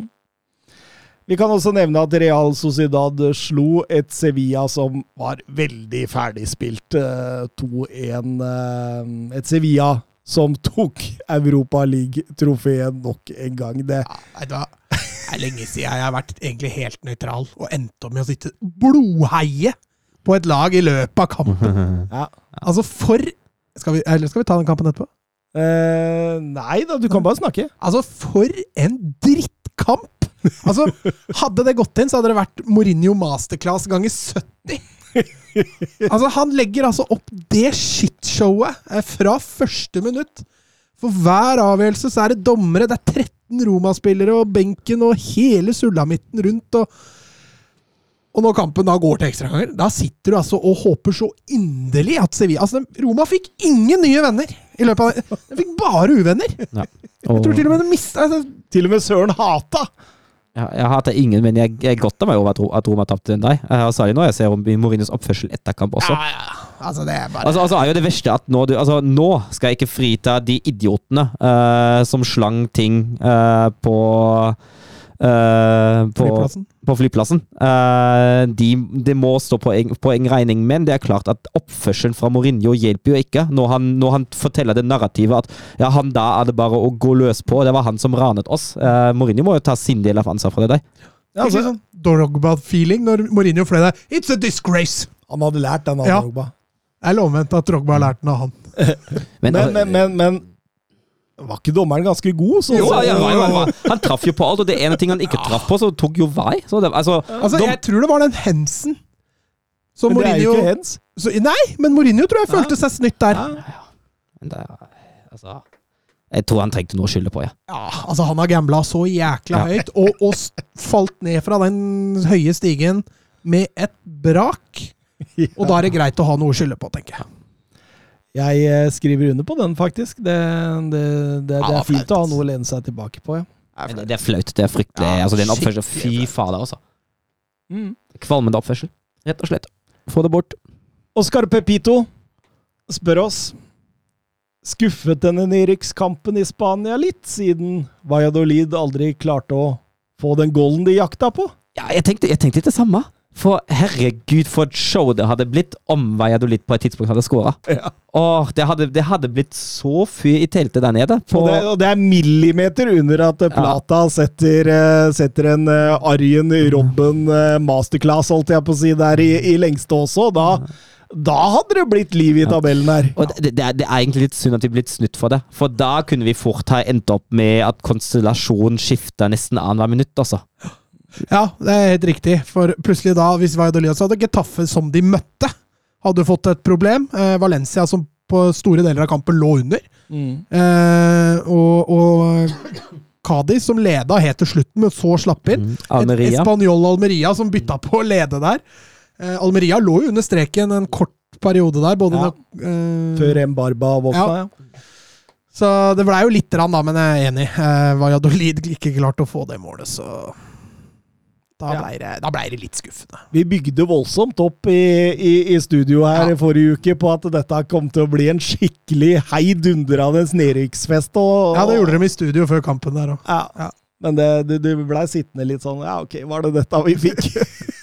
Valladolid lå der stort sett hele kampen, faktisk. Eivind Stølen, hva tenker dere om fremtiden til eh, Kyle Lauren og eh, Nicola Jackson? Med deres prestasjoner den siste tiden, hvilke type klubber kan de sikte seg inn på? Hvor vil de passe inn? Det var en som var Petter Wæland, som Det lukter litt sånn 25 millioner Aston Villa. Jackson Ja, Det var jo 20 millioner og Bournemouth i vinter. Den Ja. gikk jo ikke gjennom. Nei. Eh, så nei, men altså Via Real de har jo allerede henta Ben Brereton, så de har en spiss i loopen der. Så hvis de greier å skvise litt penger ut av han Jackson, så tror jeg ikke de eh, kommer en klubb nå. Det er klart, nå har han økt aksjen sin siste måneden, da, men eh, kommer en klubb nå på en 30 millioner, så kan han fort finne på å slippe han. Larin er vel i kontrakt med Klubb Rygge. Mm. Eh, frem til 2025, og der er vel Ronny Deila ny hovedtrener, så det, alt kommer jo litt an på hva han velger, da. Men det er, det er jo klart dette at det, han var jo reserve i, uh, i, i Klubb Brygge. Fikk jo knapt nok spille, hadde vel ett ligagolv før, før Valladolid henta han. Og så fikk han eh, En en skikkelig oppsving. Jeg tror det var faktisk bare åtte kasser og tre assist eller noe sånt nå for et nedrykkslag i La Liga. Det, det er jo klart det at det kan jo være fristende for et La Liga-lag Mm. eh, i det sjiktet vi kommer til å kjempe mot nedrykk, og, og hente en sånn spiller som har åpenbart bevist da, at han Ja, men lagene i det sjiktet har jo ikke penger.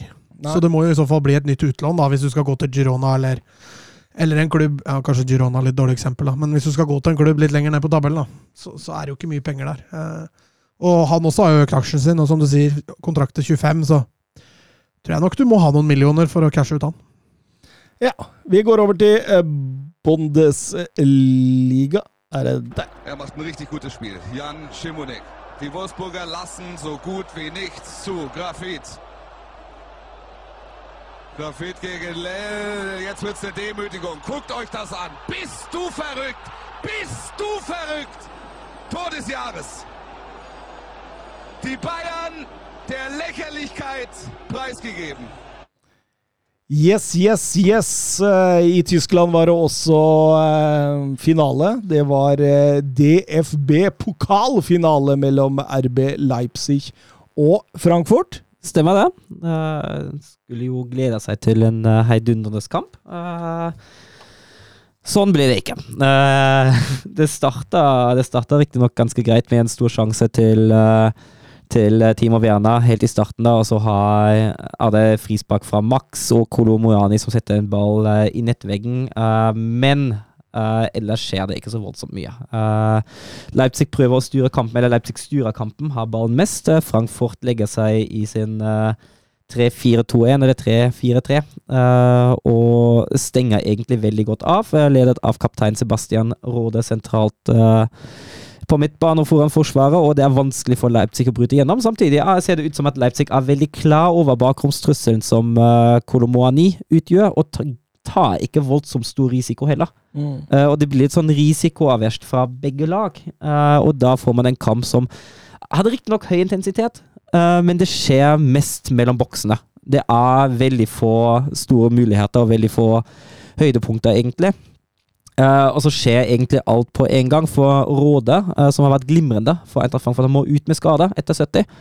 Uh, og veldig veldig kort tid senere, ett minutt senere, så er det en Konko som setter ballen som går via to spillere, og så i mål. Eh, helt ut av det blå. Eh, og fra da av har Leipzig full kontroll. Eh, Frankfurt skaper egentlig ingenting. Frankfurt legger om til 4-4-2. Eh, men Leipzig, Leipzig vinner høyt. Leipzig har ballen mest, og Leipzig skårer også 2-0 uh, ved Schoboslei fem minutter før slutt, etter en horribel forestilling av uh, innbytteren Lens. Horribel forestilling. Det. Ja, men det, det er jo det. Ja, ja. Sl først slår han bort ballen, så posisjonerer han seg helt feil. Ja. Eh, og, så, og så vinner Leipzig cupen for andre år på rad ved et Tone 2-0-seier mot Eintracht Frankfurt, som til syvende og sist er fortjent, men uh, litt antiklimaks av en cupfinale, dessverre. Ja. Eh, Bjørn Erik Skorge han skriver eh, opphenda til RB Leipzig. Tanker rundt dette? Jeg tenker jo med en gang at dette er jo eh, en erstatter for Kristoffer Nkunko. Eh, det er jo litt sånn, litt sånn lignende spillertype. Eh, det er jo en spiss som også kan gå ut på kant. Han har jo skåret veldig mye i, i lås, men vi, vi, det er jo en det er jo en spiss med, som er kjapp, som liker å drible, som har gode tekniske ferdigheter. Som for all del ikke har kommet like langt som eh, en Konko, eh, og sikkert ikke kan ta én til én den samme rollen, men som spillertype ser jeg litt sånn likhetstegn, eh, i hvert fall på noen områder med ham og, og Kristoffer Nkonko. Er den overgangen klar? Nei, ikke, ikke enda. eh, Det er sterke rykter. sterke rykter. Jeg sa vel for et par episoder siden at jeg føler at han ikke er helt klar for en sånn toppklubb. Og det, Mm. jeg tror det er en sånn spiller man må spille litt god i, Ja. i, i klubben først. For, særlig fordi altså det, det som jeg føler er jo en, konkurs, en av Nkonkos store styrker, det er jo det å sette opp sine medspillere. uh, og treffe på det der. Og det er kanskje der og Penja fortsatt har mest å gå på. Han er mer en avslutter, ja. Ja. Ingen tvil om det. Og Ja. en som stikker i rom og, Og så har de jo Sesko på vei, da. Så Mm. de har jo Ja, ja. Det, ja, Sesko altså- Sesko er jo inne. Han er jo klar. Ja, Seivalt. Og, altså det, og, og nå er de også hardt linka til Fabio Carvalho i Liverpool, så det er, det er Var det Og- og- Leipzig som henta norske? Eh, hvem tenker du? unggutten? Ja, ja, ja, ja. Alta. Ja. Alta. Og så har de nå også henta Kristoff Baumgartner fra Hoffenheim, en offensiv uh, midtbanespiller. Men, altså, men jeg, jeg kan se for meg et Oppendia i Leipzig, hvis man gir ham den tålmodigheten, uh, og lar ham vokse litt inn i den rollen, da, at han Mm. kan spille en viktig rolle. For jeg, jeg, som sagt, jeg ser noen av de samme kvalitetene som en Konko har. Uh, Riktignok, som du sier, Thomas, Oppendia er litt mer en spiss, mens en Mm. Konko er litt mer en eh, ja, offensiv midtbanespiller, kant, litt, sånn mer, litt mer fleksibel der. Men jeg, jeg, ser, jeg ser noen likhetstegn der, altså. Litt mer vandrende, ja. Ja. Det, det er ingen tvil om, men eh, ja. Nei, da det, men han må få tid på seg, jeg er Ja. helt enig. Og, og får han tid på seg, så, så, så kan dette bli bra, men det er, det er jo spisser i RB Leipzig som ikke har fått tid på seg før, da. Jeg tenker på en norsk eh, spiller, blant annet. Ja, det har jo kanskje lært. Samtidig har han jo fått en han, altså Sørloth har fått nesten en hel sesong til å spille opp, men han har jo blitt skyvet ut i feil posisjon og alt det der, da. Men har du, hørt, så har du sett noe rykte på det, eller om han går til Sociedad? Jeg har ikke hørt noe mer om det. Eh, Jeg kan jo egentlig ikke se for meg at Leipzig vil hente. Altså, at Hvis Leipzig nå henter opp Hendia, er det jo et veldig klart tegn på at eh, de ikke planlegger noe mer med Sørloth. Ja, altså Sesko. Ja. Eh, og, og, og beholde Sørloth og ha Sesko, Nei, det, det- det, det, gikk ikke mening. har de jo Werner fra før òg, ja. Silva skal Ja, riktignok eh, trolig bort, men, eh, eller kanskje skal han bort, fordi han har jo ikke levert i det hele tatt. Han kan fort bli saksobjekt. Stor skuffelse, altså. Ja, voldsomt. Men, men der òg kan det være muligheter for de laga som på en måte ikke får tak i den nieren, Ja. og prøve å revitalisere André Silva. Det, det, det er ikke så dumt. Nok ikke på et Manchester United Real Madrid-nivå, da. Nei da, men jeg tenker mer kanskje sånn Det, det, det kan være nier for Newcastle å prøve Ja. seg på, for eksempel. AC Milan. Ja, for Mm. eksempel. Eh, Daniel Ødegaard. Realistisk med både Vlaovic og Declan Rice til Bayern München i sommer? Nei, det tror jeg ikke. Eh, og jeg tror ikke Rice kommer heller. Uh, Ut ifra det jeg har lest nå, er det jo Arsenal som ligger i forsetet der. Uh, og det, jeg tipper jo også at hvis det er en stor Premier League-klubb som spiller Champions League, uh, som er interessert, så blir jo Rice mye heller i London. Jeg kan jo skjønne det godt. Uh, Laovic derimot kan jeg fort se for meg havne i Bayern. Da må man bare finne altså bare, da må man, da må finne en ny sentral midtbanespiller. Så ser det jo også ut som at uh, både Hernandez og Pavard ønsker seg bort nå. Eh, så er det jo sånn avhengig av eh, hvor mye tjener man i spillersalg der. Begge kan være på vei til PSG. Yes. hvilke andre stoppere For der må man jo få inn stoppere. skal man få inn. Så det blir jo nok en sommer med litt bevegelse i Bayern München nå. Thomas Tuchel er jo, som vi har vært inne på forrige episode, tett involvert i eh, overgangsaktivitetene. Eh, og han kommer til å ha sine ønsker. Eh, Det er, og det er jo muligheter. Markedet tilbyr jo flere dyptliggende midtbanespillere enn Declan Rice. Det virker som det er fire niere Bayern München på en måte har sikta seg inn mot i sommer, da. Det er uh, Oshimen, Mm, han uh, blir nok for dyr, tror Ja. jeg var det siste nå. Kolomoani, som virker Mm. også for dyr. Altså Mm, Frankfurt ja. vi hadde hvite ut av øya på deg for å få slippe. Han virker, han er, han er voldsomt lang kontrakt, det er nok det som uh, hjelper. Og så er det Vlaovic, Mm, og så er det Harry Kane. Ja. Så åpenbart så tror jeg Vlaovic fort kan bli det Ja. billigste alternativet. det tror jeg. Og det tror jeg også er det mest realistiske. Mm. Jørgen Knutsen, Benze Baini, min gamle kjæledegge, er klar for Dortmund. Si litt om mannen fra Algerie, og hvem erstatter Mark Flekken i Freiburg? Altså, jeg digga jo Benzebaini noe voldsomt um, når han kom til Borussia München-Gladbach. Syns han var skikkelig underholdende å se på. Ja, moderne. moderne. Ja, ja. Men etter hvert så fant du ut at eh, oi, han er jo egentlig en tikkende bombe. Ja, han er det. defensiv. Og da, det er klart at da skvetter jeg litt til når den tikkende bomba Dortmund ønsker den tikkende bomba Benzebaini. Kommer til å smelle skikkelig. Ja, han, er, han er jo en tikkende bombe, ikke bare på det defensive, men også en tikkende bombe med sin aggressivitet. Det er jo ikke alltid han har hatt kontroll på den heller. Eh, Det har jo vært noen eh, røde kort oppi, opp, i, opp gjennom årene som ikke nødvendigvis var helt nødvendige, da, for å si det sånn. Og ja, altså det er jo en, det er jo en venstrebekk som er helt klart på sitt beste offensivt. Uh, uten tvil. Uh, offensivt har han mange gode bidrag, og er til tider herlig. Mm. Uh, han sliter nok Er litt sånn Van Bissaka, da. Altså Når han først kommer i duellene, er han god i duellene. Ja. Men han sliter voldsomt med, med posisjoneringa si. Ja, Hvis man ikke får skikk på det, så blir det fort litt åpent der. Og, og, og, kan nesten ha den derre jeg, jeg kaller det åtteårssyndromet. At han plutselig kan bli litt borte. Ja. At han er, han er ikke helt på Mm. denne planeten, og da så mister han en markering eller Mm. følger ikke med et løp. Men, men samtidig, altså, hvis han er tiltenkt en erstatterrolle til Guerreiro uh, han, han kan jo se for meg kan også fungere som en indreløper. blir mye kamper for Julian Ryerson på venstre bekk. Ja, ja men, uh, men altså, jeg, kan, jeg kan se for meg at Benzebaini kan fint fungere i den posisjonen. Altså. Ja, så jeg kan jo, altså Hvis du først skal ha en, eh, en gunstig erstatter for Guerreiro, så skjønner jeg at man går for Benzebaini. Han er jo litt Joao Cancelo light. Ja, Du, du ser jo litt av det samme bevegelsesmønsteret Ja, ja. med ball og Men, men hvis Dortmund får toppnivået til Benzebaini, så har de gjort en kanonsignering. Ja. Ja, ja, ja for han er jo gratis. Ja. Men får de båndnivået til Benzebaini, så, så kan dette bli stygt. Dette snakker vi uh, Hakimi i starten, firebecks uh, forsvar og de roma der, ja. Men erstatteren til Flekken, da, han gikk jo til Brentford, da. Ja, og det er Noah Attobolo, uh, som har stått for Freiburg 2. Det er den tyske U21-landslagskeeperen. Uh, et kjempetalent, visstnok. Uh, og det har Freiburg har egentlig forholdt seg helt rolig med tanke på Flekken. Han har jo utkjøpsklausul på 13 millioner euro som uh, Brentford har betjent. Uh, fordi de har sagt at uh, Atobolos tid den kommer uansett, og når Flekken går, så bare flyttes han opp til første lag. Han har vært uh, veldig veldig god for Freiburg 2, som uh, faktisk havna på andreplass i uh, tredje liga nå den sesongen. Uh, Jørgen Knutsen nevner jo Svolo. det- Han er, han er en av to som skal inn som andrekeeper bak uh, Atobolo. Og det er enten Svolo eller Florian Mulla, som begge to nå egentlig skal være ferdige i Hete eller respektive Stuttgart. Mm, mm. Nei, men det er flott, det. Vi må gjennom årets lag i, i eh, Bundesliga òg, vi. Ja. Og vi gjør det på samme måte som i Premier League. Så, så, så, så lurer jeg litt på om Altså, i Premier League så Det løste jo seg veldig greit utover til slutt. Skal vi se om det gjør det her. Det blir spennende. Vi kan begynne med deg igjen, vi, Søren, på keeperplass. Ja, og da er det, da er det mye å ta. Uh, Kobel uh, har, en, har hatt en enorm sesong for Dortmund. Flekken er den med, med flest kamper uten baklengs i Freiburg. Han har vært uh, veldig veldig sterk. Kohn Castells uh, rett bak på den, eh, på den rangeringa bak Flekken. Uh, så må man også nevne uh, Renault uh, i Union Berlin, Schwebe i Köln og Kevin Trapp i Eintracht Frankfurt. Eh, mange gode kandidater. Det står for meg egentlig mellom Kobel og Flekken. Eh, og jeg heller litt mot Kobel, til tross for den store tappen mot uh, Bayern München. Men han har, han har redda Dortmund mange, mange poeng. Ja. Jeg eh, skriver under på den, jeg. Metoo. Mm. Høyrebekk, Mats. Eh, Frimpong.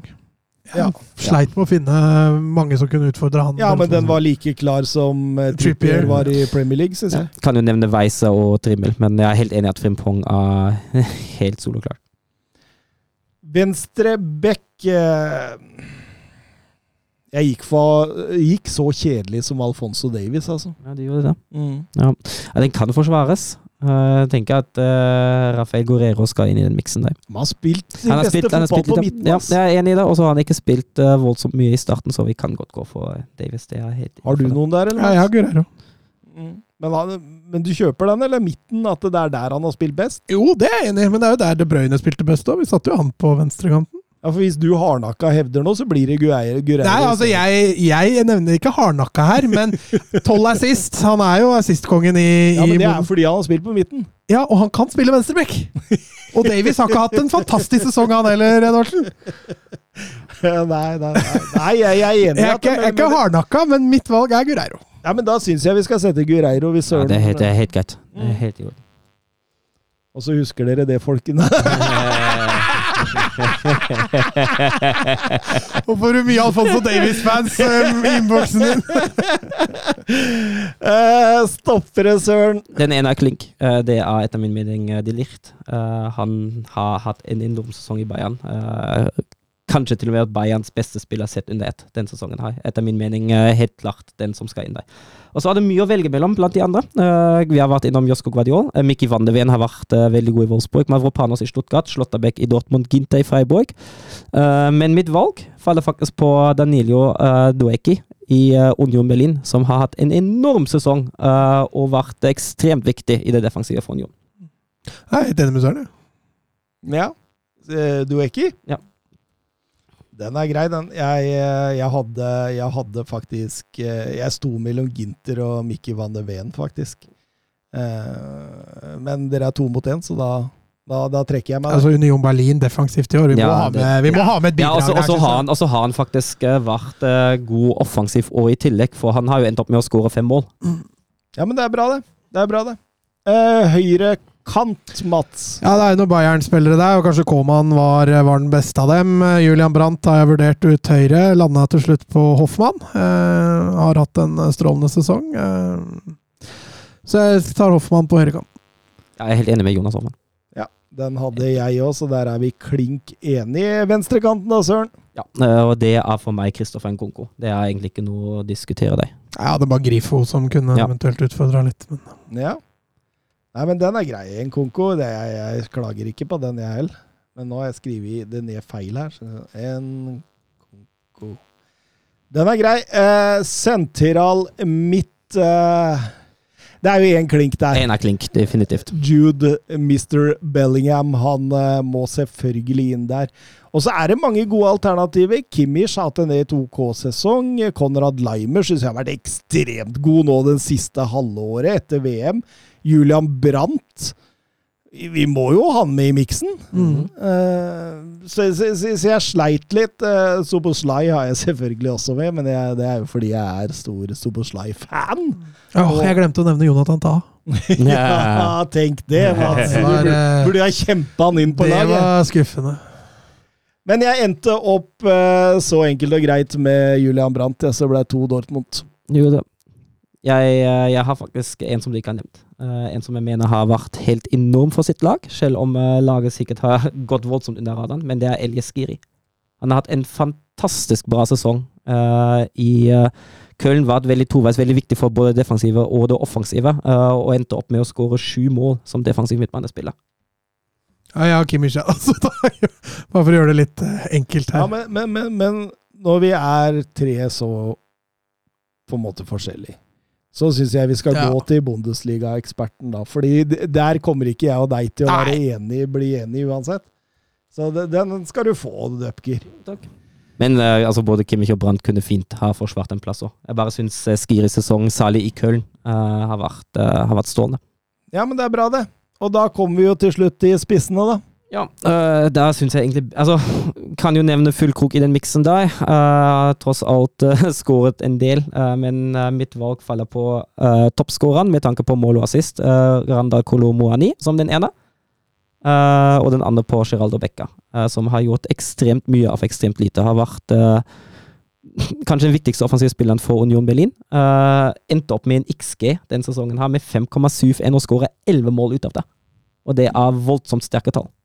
Uh, I tillegg har han syv assist og virkelig vært uh, Altså, i et lag som produserer til tider såpass lite offensivt som Union Berlin, og ender opp med 18 målpoeng, uh, det er en veldig veldig god prestasjon, i hvert fall når du har en XG på under 6. Kolomoani var vel klink? Han var klink. Jeg hadde jo egentlig fullkrygg, men Søren har overbevist meg, faktisk. Ja, jeg, jeg, ha, altså, jeg, jeg hadde faktisk eh, juksa litt, så jeg satte en Konko på topp, jeg, skjønner du. det, det hadde For å få innenfor, inn Jamal Musiala inn i laget. Eh, han blei forbigått i stillhet. Mm. Og da syns jeg, når vi kommer til dette, så syns jeg Becker eh, er fin. Jeg skulle gjerne Egentlig så burde jeg kjempa Musiala litt mer inn. Ja, han, han var vanvittig på høsten. Ja, Han var ekstrem på ja. høsten, og så fada han bare helt ut. Han, han, han hadde ikke gått av uh, VM i vinteren. Eh, det var et eller annet som, som skjedde mentalt der, tror jeg. Men Eh, Tuchel fikk jo ikke grep på han, han heller. Nei, nei og, så, er det egentlig litt fint at det til slutt er han som, uh, som avgjør eh, Ja, det, det var jo det. mesterskapet. Ja. For det at, at det er han altså, det er kanskje, altså Vi snakker om de Lirt som er, som er den beste, men eh, hvis vi bare ser høstsesongen, eh, er det jo Musiala som er den soleklart beste Bayern-spilleren. Da ender vi opp med årets lag i Tyskland med Kobel i mål, Frimpong og Guerreiro på hver sin bekk. Delict og Dueki eh, stoppere. Hoffmann ut eh, høyre, Nkunku ut venstre. Bellingham og Skiri eh, sentralt i banen med Kolomoani og Geraldo Becker på topp. Et uh, meget habilt lag. Jeg satt og tenkte på det. Er bra kontringslag, det greiene der. ja, mye bakom. Mye god bakrom. Jørgen Knutsen spør uh, i forrige episode snakker dere om guidet tur til Tyskland eh, neste sesong, med unge Døpker som reiseleder. Spennende! Uansett, hvilke fem tyske arenaer må man ha på banehopperlista? Og nå, nå, nå, Knutsen, nå må vi roe oss ned litt her. Vi skal ikke se Vest Gresshoppe mot eh, Jan Teigensburg i fjerdedivisjon. Vi, vi, vi, vi, vi, vi skal til Signal i Dona Park. Hva heter det laget? Jan Ravensburg? Jan, heter Jan Teigensburg. Jan Regensburg. Jan Regensburg! Ja. Vi skal til Signal Iduna. Vi skal til First eh, ah, Hva heter den? Uh, det der ah, Union Berlin sin. Alt det første. Alt det første. Ja, alt det første rei. Og vi skal eh, til Frankfurt og, og kose oss. Vi, vi skal ikke til Vest Gresshoppe Arena. Det, det skal vi ikke, men vi får likevel høre hva Søren har å si til dette her. Ja, vet du hva, Nå har jeg vært så snill og bare tatt med arena på de tre øverste nivåene, da. De Eh, tre øverste nivåene. Ja, for det, altså, dritteliga i Tyskland, det er jo fortsatt eks... Hæ? Nå knakk Mats! Nå knakk Mats, ja. Jeg tror det var dritet. Han, ja. eh, Men eh, altså, dritteliga i Tyskland som er nivå tre, det er jo fortsatt, det er jo fortsatt bra. Det er bra fotball, det er bra på tribunen og bra supporter, altså. Eh, så det er absolutt eh, verdt en tur. Eh, det, men det er mye å ta av. Eh, altså For meg, Klink er jo Millantor, der St. Pauli spiller, alltid første Reidar Union spiller, Signal i Park. Uh, ja, helt klink. Men, uh, men, men finner du noen sånne jokmok-lag i regionen der som er hyggelig å se på? Jeg tenker litt lavere nivå, da. Ja. Uh, jeg- altså, en som jeg tror hadde vært litt kult å se, da, det er stadion an der Hafenstrasse, der Rotweis Essen spiller, eh, på nivå tre. Uh, de er Stadion ved det halve gata? And the Hafenstrasse. Oh. Havnegata. Ja. Havnegata. ja. Uh, alle gata. Alle gata. Nei, men de, Og de er jo kjent for å ha lidenskapelige supportere. Så det tror jeg kan bli en veldig god opplevelse. Samtidig er det jo altså det er jo mer i retning Dortmund, da. Og hvis vi er i det altså, Feltins Arena, Schalke, det er enormt. Ja. Det er kanskje det stadionet som jeg har vært på som bortesupporter, der jeg har opplevd best stemning fra hjemmepublikum. Og jeg har vært på Signal Iduna òg, riktignok i en periode da Dortmund slet voldsomt. Men spiller de to hjemme annenhver helg? Ja, Dortmund og Schalke gjør det. Så, så, så hvis vi er der en uke, da, så kanskje vi får Ja, det har vært gøy. Det har vært gøy. Uh, Bochum på Roer stadion anbefaler Volkspark stadion med HSV. Eh, når de har en uh, kul motstand, da er jo det ganske bra, det òg. der har jeg vært. Ja, ikke sant. Da, Hva med opprykksfinale med Hamburg og, og Stuttgart? Ble det bra, eller? Stuttgart uh, vant, tror jeg, 0 og 3 igjen. Så Ja, jeg det ja. Det var ferdig. Det var ferdig. Jeg, var- jeg ja. så, så jo det, da, men Ja. eh, Eh, ellers hadde jo også eh, Fritz Walter Stadion, som også er kjent som Betzenberg i Keiserslautern i sør-vest, som absolutt har vært en tur, for da er det enormt publikum. Også. Mm. Da, da er det stemning. Men Kaiserslatteren, der er jeg med på, liksom. Ja. Det, det er ikke helt sånn Jahn Teigensburg. Nei da. Det, er jo, det er jo ikke noe altså Hvis du ser på de øverste tre, tre nivåene, så er det veldig lite sånn Jahn Teigensburg, altså. så, altså men hvis, ser på, altså hvis man ser på de øverste tre, så er det sånn de som jeg tenker er litt sånn de kuleste. Syns så synd på Hamburg, ass. Storma banen der, eh, Ja, og så ble det kvalik, og så mislykkes de. Ja. den er, den er, den er, Den er er skjebnens ironi, vet. Men samtidig, altså, hvis du, du, du har jo smartphone. Hvis du står med banen før du veit 100 at den andre kampen er avblåst, er det sånn din egen feil. Du holder med at det er én, eh, én kølle som Ja. roper Ja. 'Vi har rykka opp! Ja, det er så- bekrefta!' Hjelper nok ikke at, at spikeren eh, kommer med det samme der òg. Gratulerer eh, med opprykket, Hamburg. Jeg syns synd på dem. det. Husker Jørgen Klem var her når han sa han blei eh, jaga som spiker opp i Nittedalen her eh, når han ønska Gjelleråsen god tur tilbake med buss 390. det spørs om han spikeren her også har fått seg et par. eh, Serie A, gutta. Serie A. era il marcatore di Cannavaro. Palla tagliata, messa fuori, c'è Pirlo, Pirlo, Pirlo, ancora Pirlo di tacco,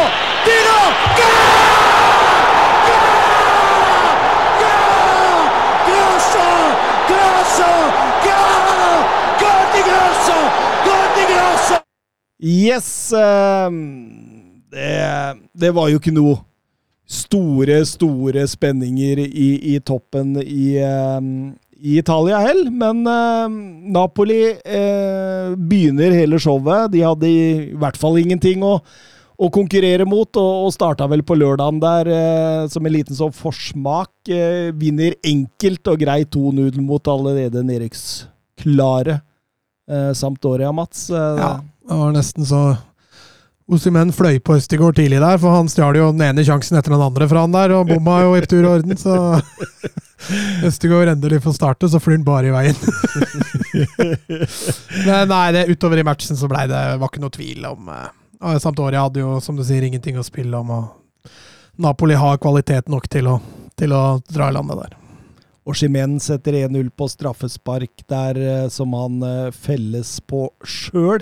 Han 17. i 2023. Det er mest i topp fem-ligaene, sammen med Lacassette og Harry Kane. Uh, Ja, han har vært mye skada.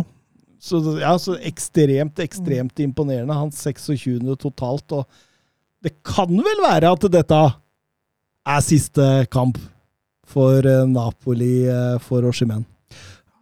Men, men han blir så dyr. Jeg tror det er 1-1,2, altså. Mm. Uh, så, men ja, det kan ha vært. Eh, Østegård, som du sa, spilte hele kampen, klarte seg godt. Ja da, defensivt var han jo Og han er jo på alle dueller offensivt, så han er glad i å være i sentrum.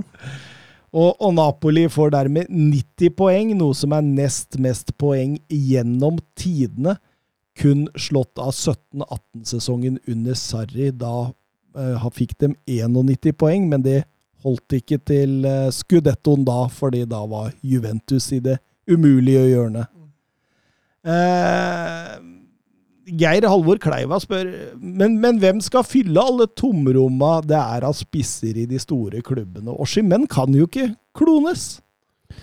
Nei, og det, det er jo en utfordring. Uh, og det, det, det sørger jo også for at de klubber som er så heldige å sitte på en ettertrakta spiss, som eh, Juventus Milavic, som eh, Napoli med menn, at det kan fort bli budkrig.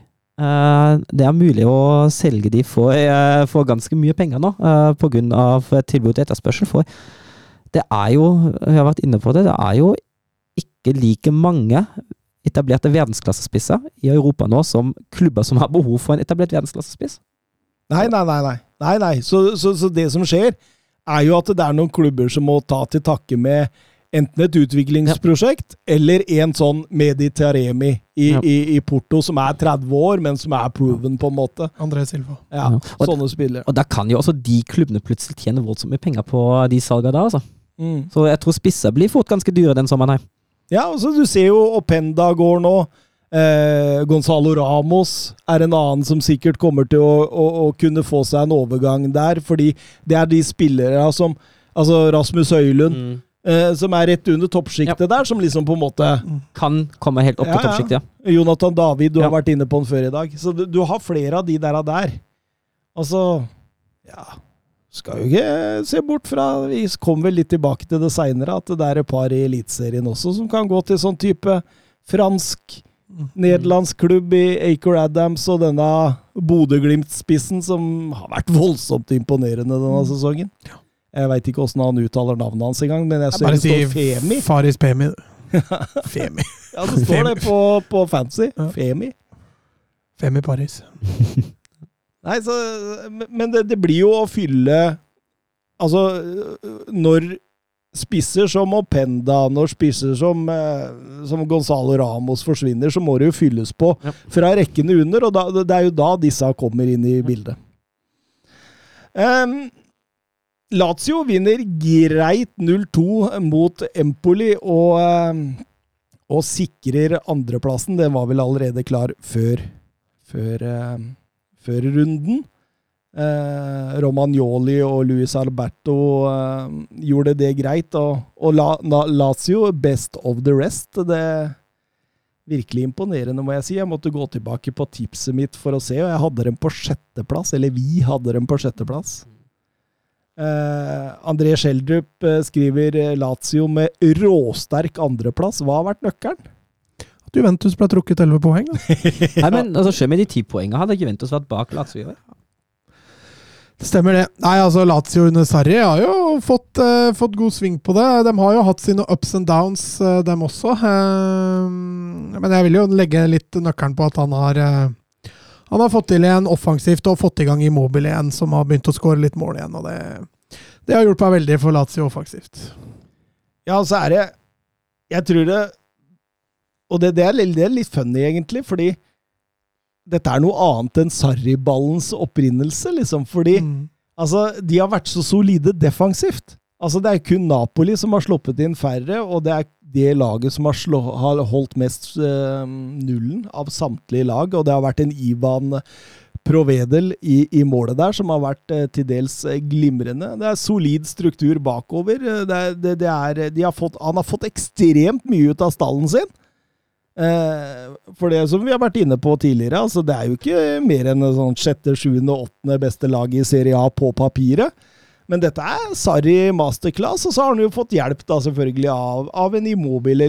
Riktignok har jo han vært litt under par i denne sesongen, men, men uh, Milenkovic Savic, en Sakagni der, en uh, Filippe Andersson som har, som har levert bra. Så det, det er ekstremt imponerende det jobben Sarri har gjort der. Ehm, videre. Inter vant eh, greit 0-1 i premi... Altså, kan, kan du kalle, hva kaller du det? Man kaller det sånn Se sesongavslutning. Ja, men man kaller det når du, ma- før, kampen før man liksom Altså, I generalprøven. generalprøven, takk skal du ha, Søren Døfke! Sesongavslutningen. Det var jo det. Eh, Brozovic, eh, matchvinner, eh, det samme som han gjorde i det motsatte oppgjøret tidligere den sesongen. og det var vel et Inter som sparte godt på spillerne sine her. Ja, og det er jo forståelig òg. Det var jo ikke noe å spille for da heller. Det var jo klart at de kom til å spille Champions League neste sesong, og da er det klart at man eh, heller fokuserer mot det store høydepunktet nå om en uke, Champions League-finalen mot Manchester City.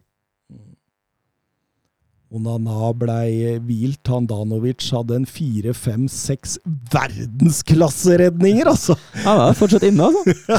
Toppnivået er fortsatt der. Ja, det var hinsides å se på. Eh, kunne fort ha tapt denne kampen her, altså. Det bølget voldsomt utover i kampen, men, eh, men eh, Inter drar det i land, og det har de blitt veldig flinke til. og det jeg, jeg tenker jo det scenarioet, da. Hvis i Champions League-finalen på lørdag de får det første målet sitt, og bare gjør det de er aller, aller Mm. best til. Stenge den der kassa. Nei, Det kan bli ubehagelig for City å møte, faktisk. Ja, hvis, de får, hvis Inter får det første målet der Hvis City får det første målet, Ja, det da er det kjørt. Ja. Da er det kjørt, for da må Inter opp, og så eh, Milan slår eh, Hellas Verona 3-1, og de det er, det er jo for så vidt en en eh, Ja, hva, hva kan du si? Altså, det, det er ikke Milan på sitt beste, men, men man våkner jo opp mot slutten der med én masterclass-spiller som er helt enestående. Og den 3-1-golden til Rafael Leao, den er glass å ramme på.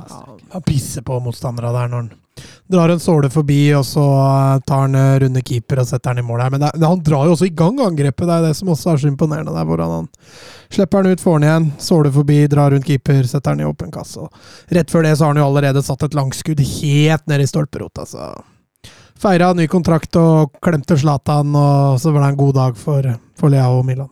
Mm. Eh, riktig like god dag ble det ikke fra Hellas Verona, eh, som må ut i en playoff-kamp om å overleve. Ja, den der playoff-kampen, altså det er visst eh, noe som har kommet nå denne sesongen. Og nå er det jo kanskje greit med, med to lag på 31 poeng, som har en forskjell på tre målforskjell. Men jeg, jeg tenker jo litt For da jeg fant ut at det skulle bli det, jeg var ikke klar over det, men da jeg fant ut at det skulle bli det, har jeg tenkt litt at hvis scenarioet hadde vært at det hadde vært et lag som var klink på den 18.-plassen, så var det tre lag som hadde 6-7-8 poeng mer, og kjempet helt til slutten for å unngå den der eh, siste, eh, den 17.-plassen, den playoff-plassen.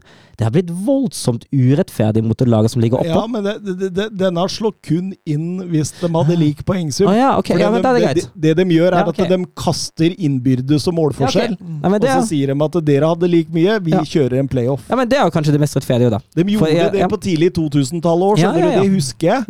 Ja. Men eh, så gikk de bort fra det. Men nå skal de åpenbart innføre dette igjen. Da. Jeg heller, hadde heller ikke fått med meg ja. dette her før jeg skrev vel til dere på chatten. Hva, Ja. hva i alle dager er det jeg hører? Ja, altså, to, altså, altså, trodde jeg at det skulle gå nå uansett, men det er fint at altså, likpoeng er jo bare en fin greie, da. At man får en ny sjanse. Ja, ja. Ja, spilles jo på nøytral grunn, og Ja. så jeg skulle spilles på Mapai stadion eller noe sånt, var det? Mm. I Sassolo. Mm. Så det blir jo en, eh, et heftig, heftig oppgjør, det da. Petter Halseth, eh, når man ser 3-1-målet til Rafael Leao, er han litt undervurdert? For oss som ikke følger Serie A aller tettest. Vi hører jo bare om Kvaradona. Nei, jeg syns ikke vi har undervurdert han noe særlig. Han har fått masse skryt. Eh, Det er klart han, han trenger et spesielt kampbilde for å være på sitt aller ypperste, som kanskje hindrer han i den store overgangen umiddelbart. Men, men råmaterialet Rafael Leao, det, det, det er ganske mye. Ja, altså, altså er det litt at den historien til uh, Kvaratskhelia, den er jo litt sånn kjempefint for mediene, da. Eh, kommet som newcomer eh, fra Georgisk fotball inn i Serie A. eh, og begynne å dominere som han har gjort, og er, er med på å lede Napoli til eh, et seriegull. Det lenge ettertrakta seriegullet første siden Diego Maradona har spilt i klubben. og Det er en sånn, sånn historie som man gjerne høyser litt opp, da. Eh, I hvert fall i mediene. Uh, men uh, jeg er enig, altså, jeg syns Leo har hatt en, eh, en fantastisk sesong. Eh, og jeg syns jo også, som Mats sier, at vi, vi har gitt den masse skudd. Vi, vi, vi har ikke undervurdert den på ingen som helst måte, men eh, Mats er så vidt litt inne på det. Jeg syns han fortsatt har en del å gå på mot etablert. Han er veldig kontringssterk. Han er en av de kanskje mest kontringssterke spillere man har i, i, i Europa. Eh, men, men, men mot etablert så er nok også Kvadraskela hakket hvassere. Og, og, eh, men, men jeg ser jo han har, han har 15 mål og 8 assist i Serie A. Kvadraskela 12 mål og 10 assist, så det, han vinner jo der òg. Så det, det er jo bare å hylle. Eh, en annen som ble hylla etter match, er eh, Zlatan Ibrahimovic. Og Nikolai han eh, skriver det må nesten sette seg noen minutter på å hylle legenden Zlatan. Målet hans eh, for Ajax mot Nak Breda, hvor han bokstavelig talt dribler hele laget samt kameramannen, er etter mening, min mening det vakreste som er gjort på en fotballbane. Ja, han er jo altså, Jeg har tenkt ut på det. Han er jo nå egentlig den siste som har vært med helt siden jeg har begynt å interessere meg for fotball, nesten. Mm. Det, det, det er den siste. Den, jeg kommer ikke på, på noen flere som har vært med helt fra starten. Som jeg alltid har visst har spilt fotball, mens jeg på en måte har fulgt med. da. Vi har takka av Piquet, og vi har takka av Busquets i Barcelona.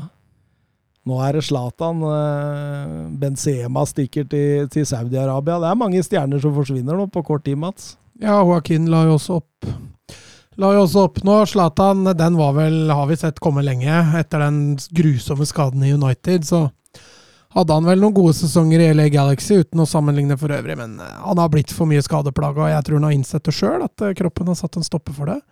Eh, Karrieren hans i seg sjøl, den kan du bare sette på glass og ramme med en gang. Det er en mer spektakulær fotballspiller på og utafor banen tror jeg du skal leite lenge etter. Skapte overskrifter nesten uansett. Bare han åpna kjeften, så ble det en overskrift ut av det.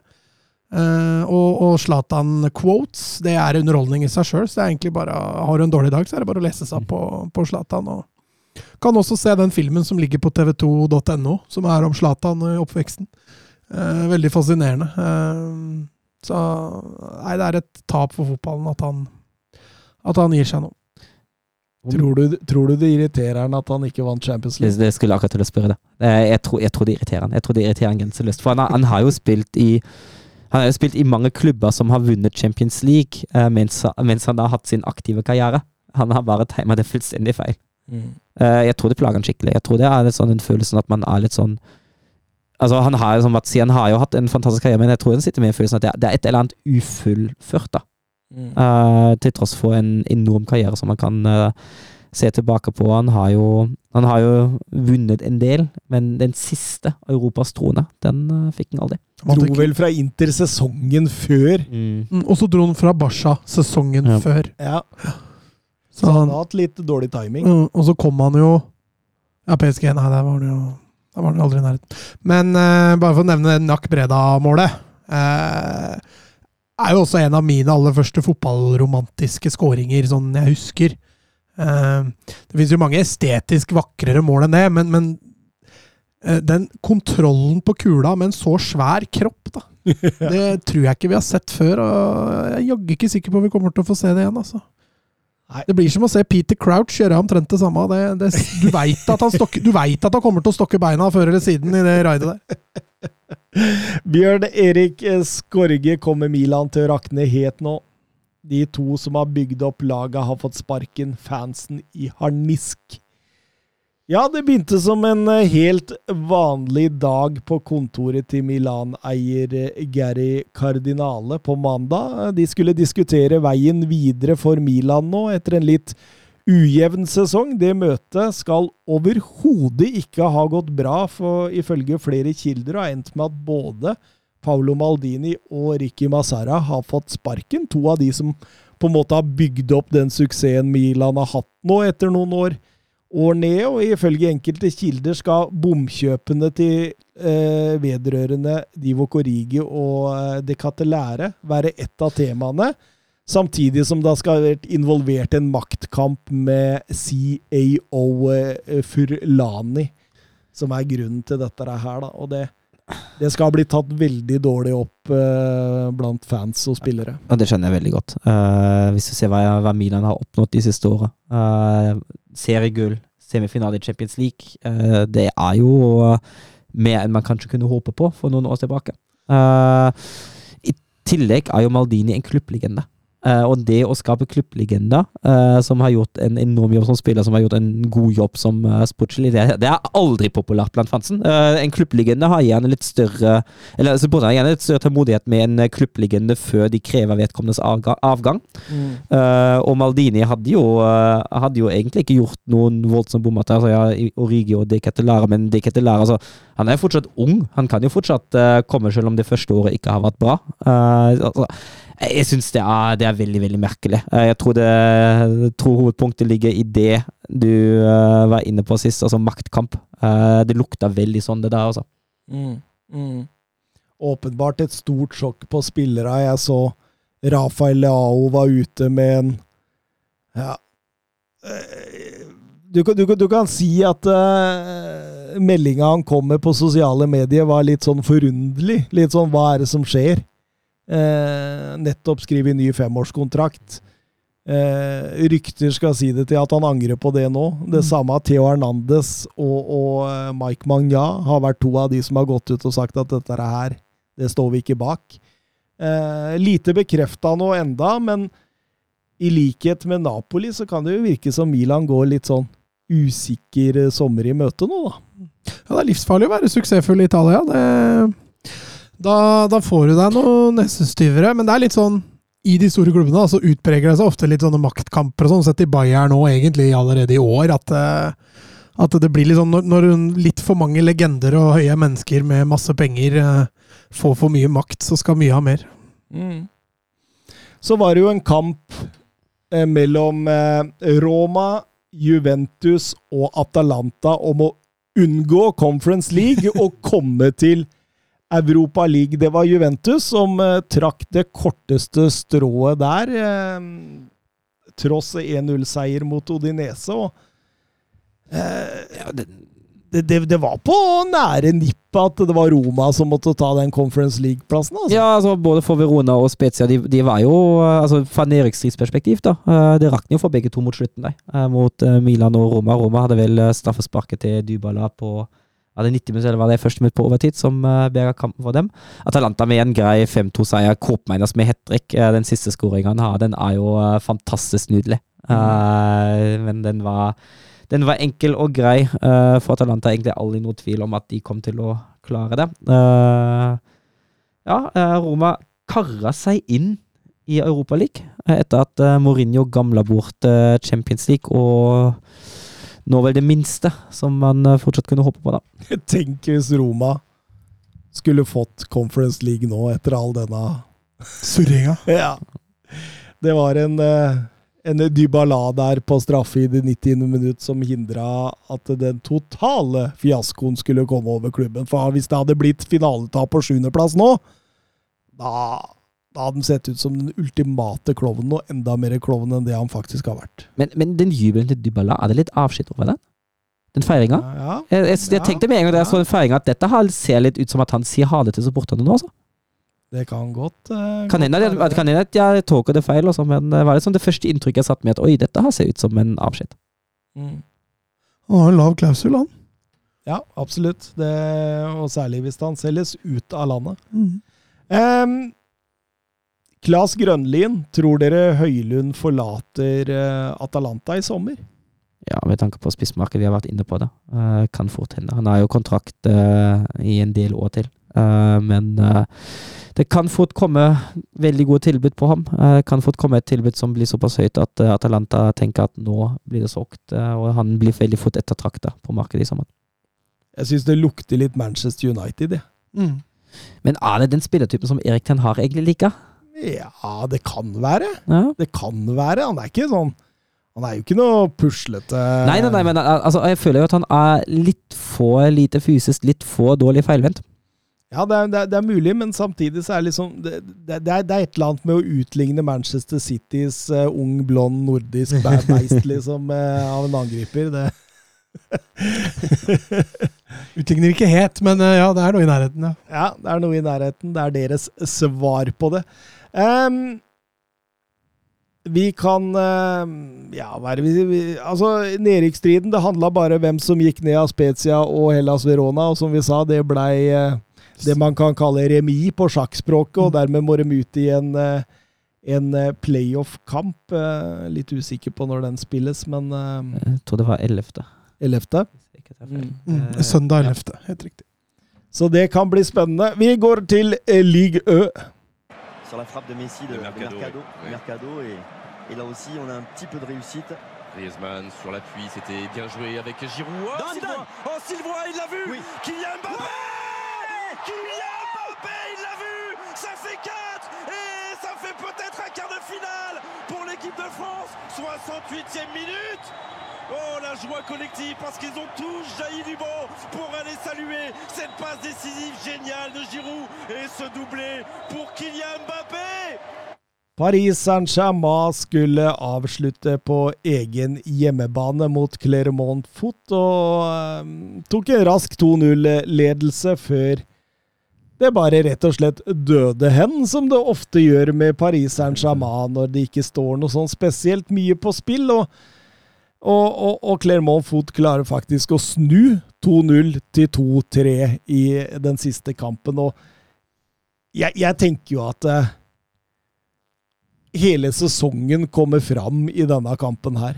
Man er veldig gode når alt flyter, og så rakner det fullstendig.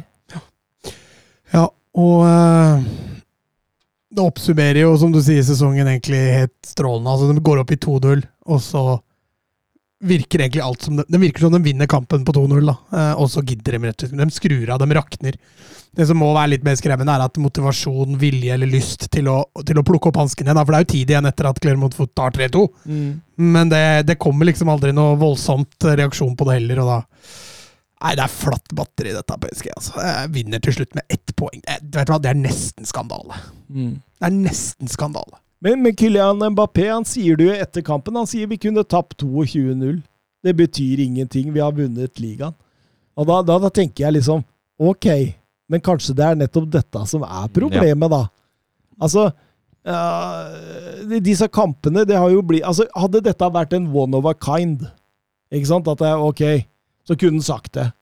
Men dette er jo blitt en vane. Det har jo blitt et problem i league Ø for PSG, dette her. Og hvis det er motivasjon, uansett hva det er, det er dette som er hverdagen, og gjennom hverdagen, det er der man kan vinne Champions League. Men hvis Lewandowski i tida si i Bayern hadde sagt det i en serieavslutning Å, han hadde oh. ja, men Det er litt det jeg mener, da. Den vinnerkulturen som er i disse storklubba. da. Mm. At du skal Real Madrid òg. Ja. De skal ikke bli pissa på noen gang, liksom. Eh, Altså, Selv om de har ja. vunnet alt. Jeg hadde reagert hvis en spiller av en klubb jeg heier på, hadde kommet ut utsagnet sjøl. Men det er litt sånn mentaliteten da, som er innpå at, eh, at det å vinne tittelen er bra nok. Ja. Det å vinne en enkeltkamp betyr ikke så mye. Nei, helt klart. Og det, det, det kan jo se ut som Galtier eh, får sparken eh, snart, og, Jeg leste at han hadde fått han har fått det nå. Ja. Jeg, Ikke offisielt bekreftet. Jeg tror, lurer på om det var Liquip som skrev at han hadde fått. Jeg tror ikke det er offisielt helt ennå, men eh, det ser ut som at det er slutt, altså. De, de, de må nok jakte ny manager, og da, da kommer Torjus Hansen sitt spørsmål til sin Hva kan du kalle det? Sin sin, sin, sin, sin, sin rett. Hvordan tenker dere Nagelsmann vil fungere i PSG?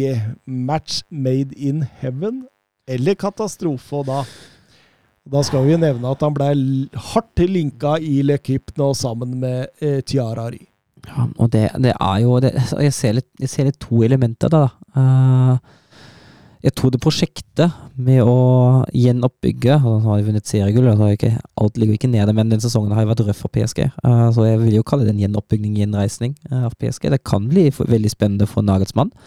Uh, han har, får jo eh, en ekstremt god tropp å jobbe med, tross alt. Eh, han får mange spillere på et ekstremt høyt nivå å jobbe med. Um, samtidig tenker jeg, etter de erfaringene i Bayern, uh, der man egentlig har sett at han er uheldig i håndtering av offentligheten. Han er uheldig i en del utsagn han eh, kommer med på diverse pressekonferanser. Eh, han terger på seg eh, supportere, han terger på seg forskjellige elementer i klubben, han terger på seg andre klubber, han terger på seg ganske mye forskjellige folk. Diverse e-mailer. ja. Ehm,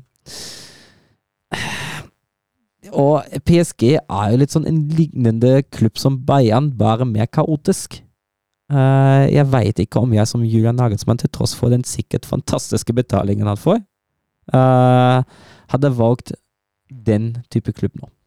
Jeg tror fallet for Nagelsmann er større enn fallet for PSG, i hvert fall. Mm, Hvis dette går dårlig. det tror jeg også. Eh, skulle det bli samme sesong, da, at de vinner med et poeng eller to, så tar Nagelsmann større skade av det enn PSG gjør. Ja. Så, men, men jeg sa det, sa det i stad. så gjenby- altså det, å, det, å, det å begynne å bygge PSG litt på nytt igjen da, Nå begynner det å bli mange, mange prosjekter her, men eh, Messi drar nå, Neymar mest sannsynlig ferdig. Uh, at man da kan bygge det offensive rundt Mbappé, da. og så har du bare én primadonna istedenfor tre. Det tror jeg kan bidra mye sterkere, og så må man fortsette å være gode, smarte på overgangsmarkedet. Hente lokale, bruke dem. Eh, Så kan også PSG bli et godt springbrett for Nagelsmann. Sånn- men jeg tror risikoen er ganske stor. Altså. Ja, og samtidig, da. Skulle han vinne Ligue med 20 poeng, da, og så slått ut i Champions League-semifinalen, så vil det fortsatt være bare en, Ja. en OK sesong, Ja. da. Du vil aldri kunne oppnå den perfekte sesongen hvis ikke du vinner Champions League. Og det, det, er, det er jo altså, Du kan ikke planlegge en Champions League-gull uansett. Det er så, ma- så mange tilfeldigheter som spiller inn der. Det spekuleres mye rundt eh, innkjøp også. Milan Skriniar kommer jo. Marco Ascencio og Manuel Ugarte virker close. Bayern München-duoen Lucas Hernandez og Benjamin Pavard er storaktuelle. Det sies at Campos jobber hardt for å få Bernardo Silva inn i laget. Han kjenner jo han godt fra Monaco-tida. Og så skal de ha en ny nummer ni. Så det, det, det blir nok å gjøre i, PSG i sommer òg. Ja, Men nummer ni fins det mange av, da. Der kan de velge og vrake. ja, det fins mange, men de, de, de, de får nok noe konkurranse hvis de eh, Jeg kan jo tenke meg f.eks. Kolomoani Ja, det vil blir- være en Det blir fort, uh, går fort i den retninga der, tenker jeg. ja. Selv om altså Der òg, altså Kolomoani eh, Ja, altså, han er jo litt bedre feilvendt enn Mbappe, for all det, men det er jo litt sånn den samme typen som Mbappe. Ja, det er mye, mye bakrom og mye fart.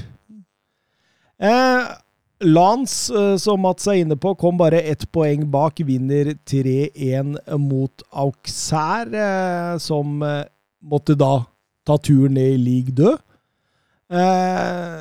Var for så vidt en ganske jevn kamp. Det var eh, et land som hvilte flere av, av sine viktigste spillere, annet årets keeper i, i ligaen, Brice Samba. Fofana ble hvilt, eh, Medina og Sotoka ble hvilt. Så det, det, det, var, var, eh, det var rett og slett bare å, å gjennomføre dette. Og ja, det er helt fantastisk. 84 poeng. Rekorden deres er 68.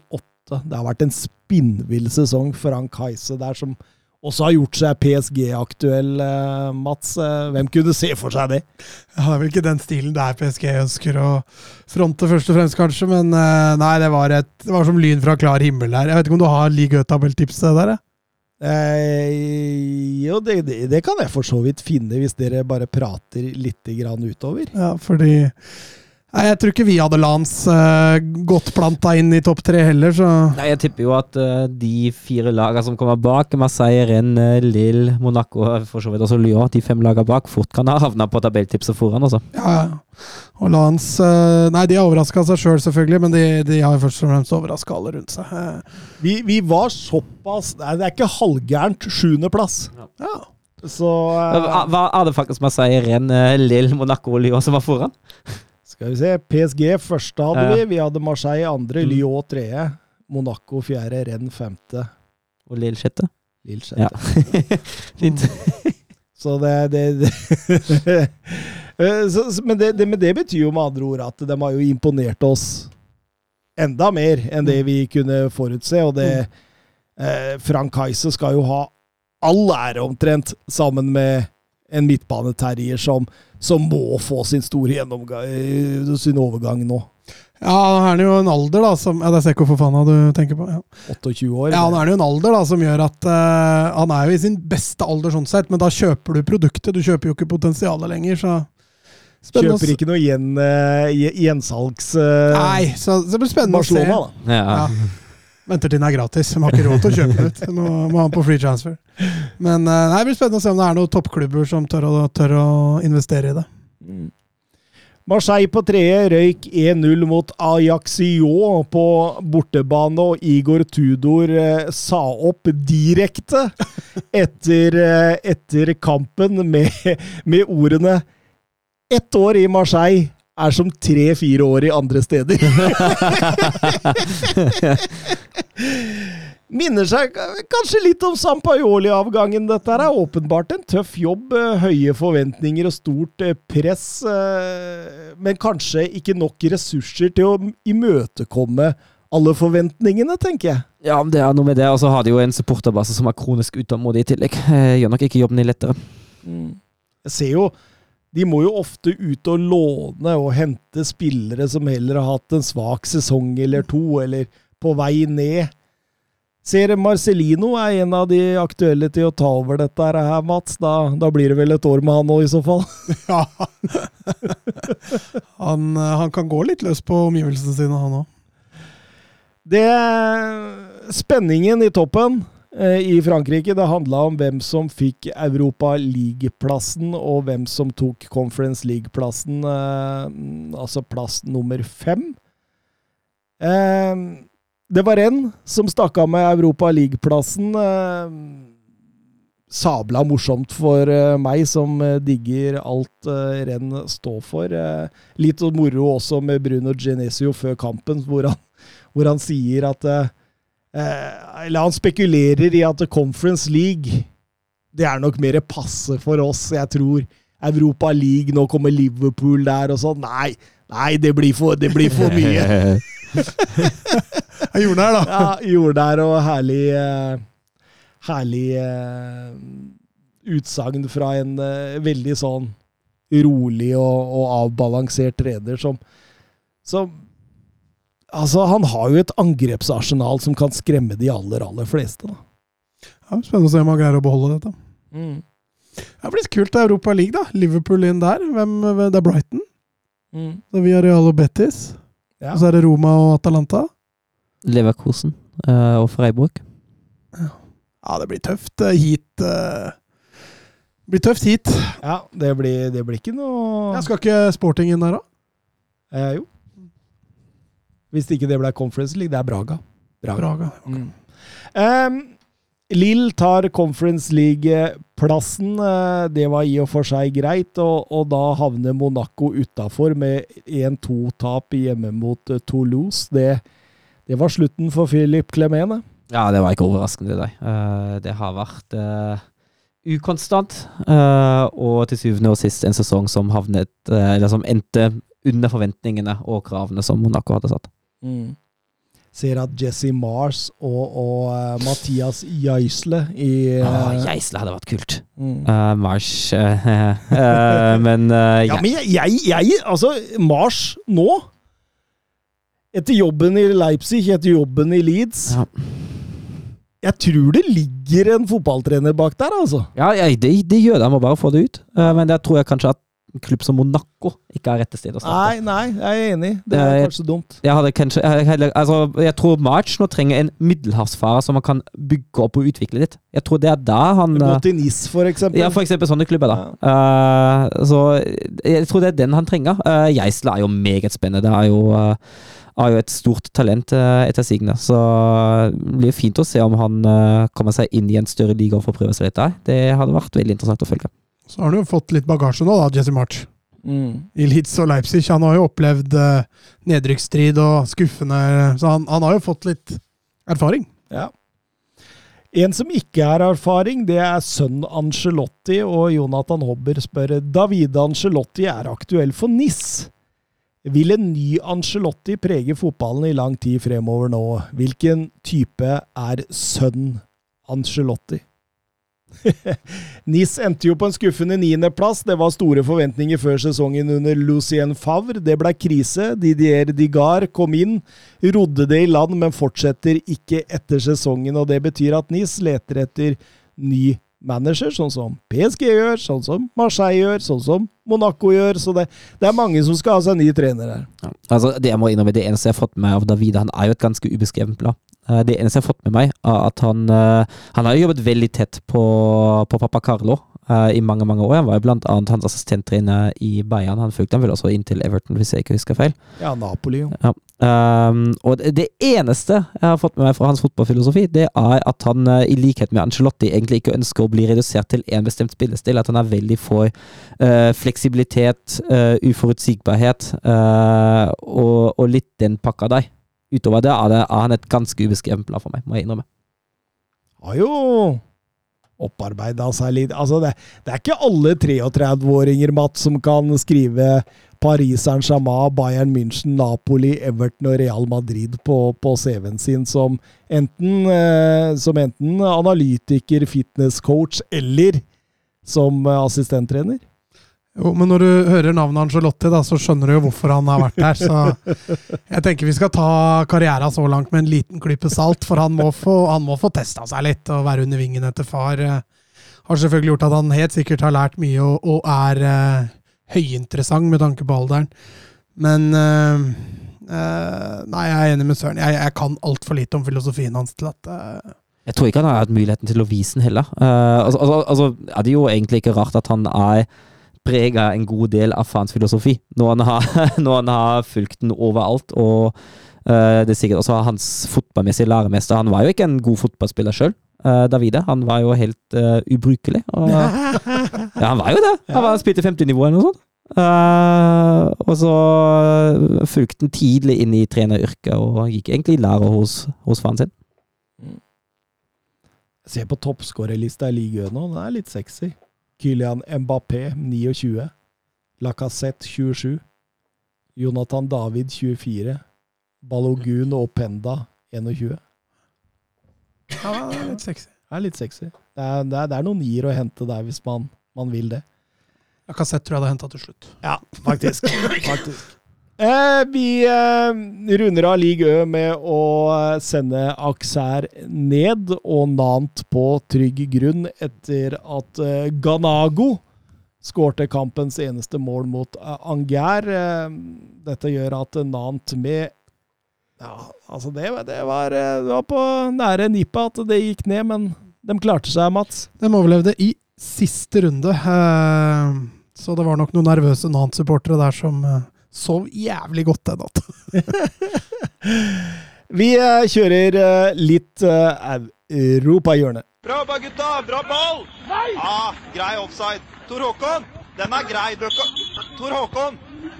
Nei, Tor Håkon, det var din egen skyld. Ikke bli sint for det, i hvert fall. da. Tor Håkon, ikke kjeft på dommeren, og ikke kjeft på dommeren. Tor Håkon, nå hører du på dommeren. Det er hver gang, altså. Hver gang. der.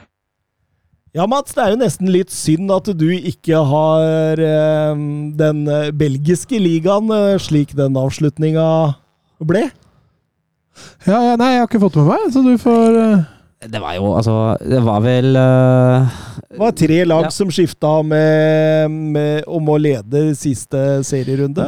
Og så møttes eh, Genk og eh, Royal Antwerp til eh, direkte eh, duell. Mm. Uh, og Genk leda lenge 2-1, som hadde tilsagt at de skulle vinne seriegullet. Og etter 94 minutter eller noe sånt, da, så Mm. hadde Torby Aldeverreilt. Uh, Som banker ballen i krøsset! Ja. Og da er det 2-2. Og da er det Royal Antwerp, eh, med Mark van Bomme som trener. Hvem hadde trodd? Eh, som vinner seriegullet i Belgia. Det er helt sykt. Altså, det, det er, Det er ett skudd. Det er limt i krysset. Bang! Men de var jo litt favoritter før sesongen, Antwerpen. Ja. De lå jo, slo ut Fugla, blant annet. Jeg gjorde jo kjempefavoritter, faktisk. Ja, ja. Ja, det gjør jeg. Eh, nei, så den, den skulle du vært på. Det, det, det fins gode det finnes gode videoer av målet på Twitter. Det er jo et fantastisk mål av Litt- gode, gamle Toby. litt sånn uh, kompani mot Leste-vibes. Altså. Jeg fikk den samme Ja. følelsen. Det er kult du sier det! Um, Europahjørnet denne gang er eh, spørsmål tilknytta Europahjørnet, så hvis du ikke er fornøyd med, med litt sånn eh, utenom topp fem, så kan du like godt si ha det nå, men vi, vi, vi kjører vi på de spørsmåla òg, og Tønna skriver Hvem er de faktisk fem beste managere gjennom tidene? Jeg tok med den her. Eh, hvem er best av Guardiola og sir Alex Ferguson, og begrunn hvorfor Angelotti er din nummer én, Mats? At Angelotti er min nummer én? Ja, men det er det, er det jo ikke. Nå legger du ord i munnen min her, eh, Ringstad. Eh, nei, altså, jeg har fortsatt Angelotti topp fem. Eh, Gjennom tidene? ja! Nei, kanskje ikke gjennom tidene. nei. nå, nå begynte jeg Ja, men jeg har Guardiola som nummer én. Og så har jeg Ferguson som nummer to. Og så har jeg eh, nummer tre Det er, jeg syns det er en fryktelig vanskelig øvelse. Uh, for altså, det samme ja, gjelder Du har Sakki, du har Wenger, du har eh, altså, altså, Hvis du går lenger så lenger tilbake, du har Michels, du har Cruyff, du har, du har Happel, du har Med Basby altså, Du har så mange ja, store men Jeg mennesker. tenker vi må ta fra, jeg tar fra min tid. Ja, okay, ja, jeg, jeg må ta fra min tid. Bill Shankly, Ja, faktisk. Bob Paisley, Ja. Bill Nicholson. Ja. Fanken er mye bra. Hugh. Ja, N- Nigel Clough. Nei, Brian Clough. Nei. Ja, Brian Clough. Brian at Ottmar Nigel var, bror, Ja, var han var ikke broren, han, han var sønnen. Var sønnen. Uh, Ja, altså Det Brian Clough gjorde med Nottingham Forest, det var jo helt uh, hinsides. Men, uh, men, men en rask eh, Hvis vi tar fra nyere tid, da, som er noe jeg husker, så er jo i hvert fall Guardiola og Ferguson og Wenger må jo være der oppe. Mm. Klopp må være der oppe.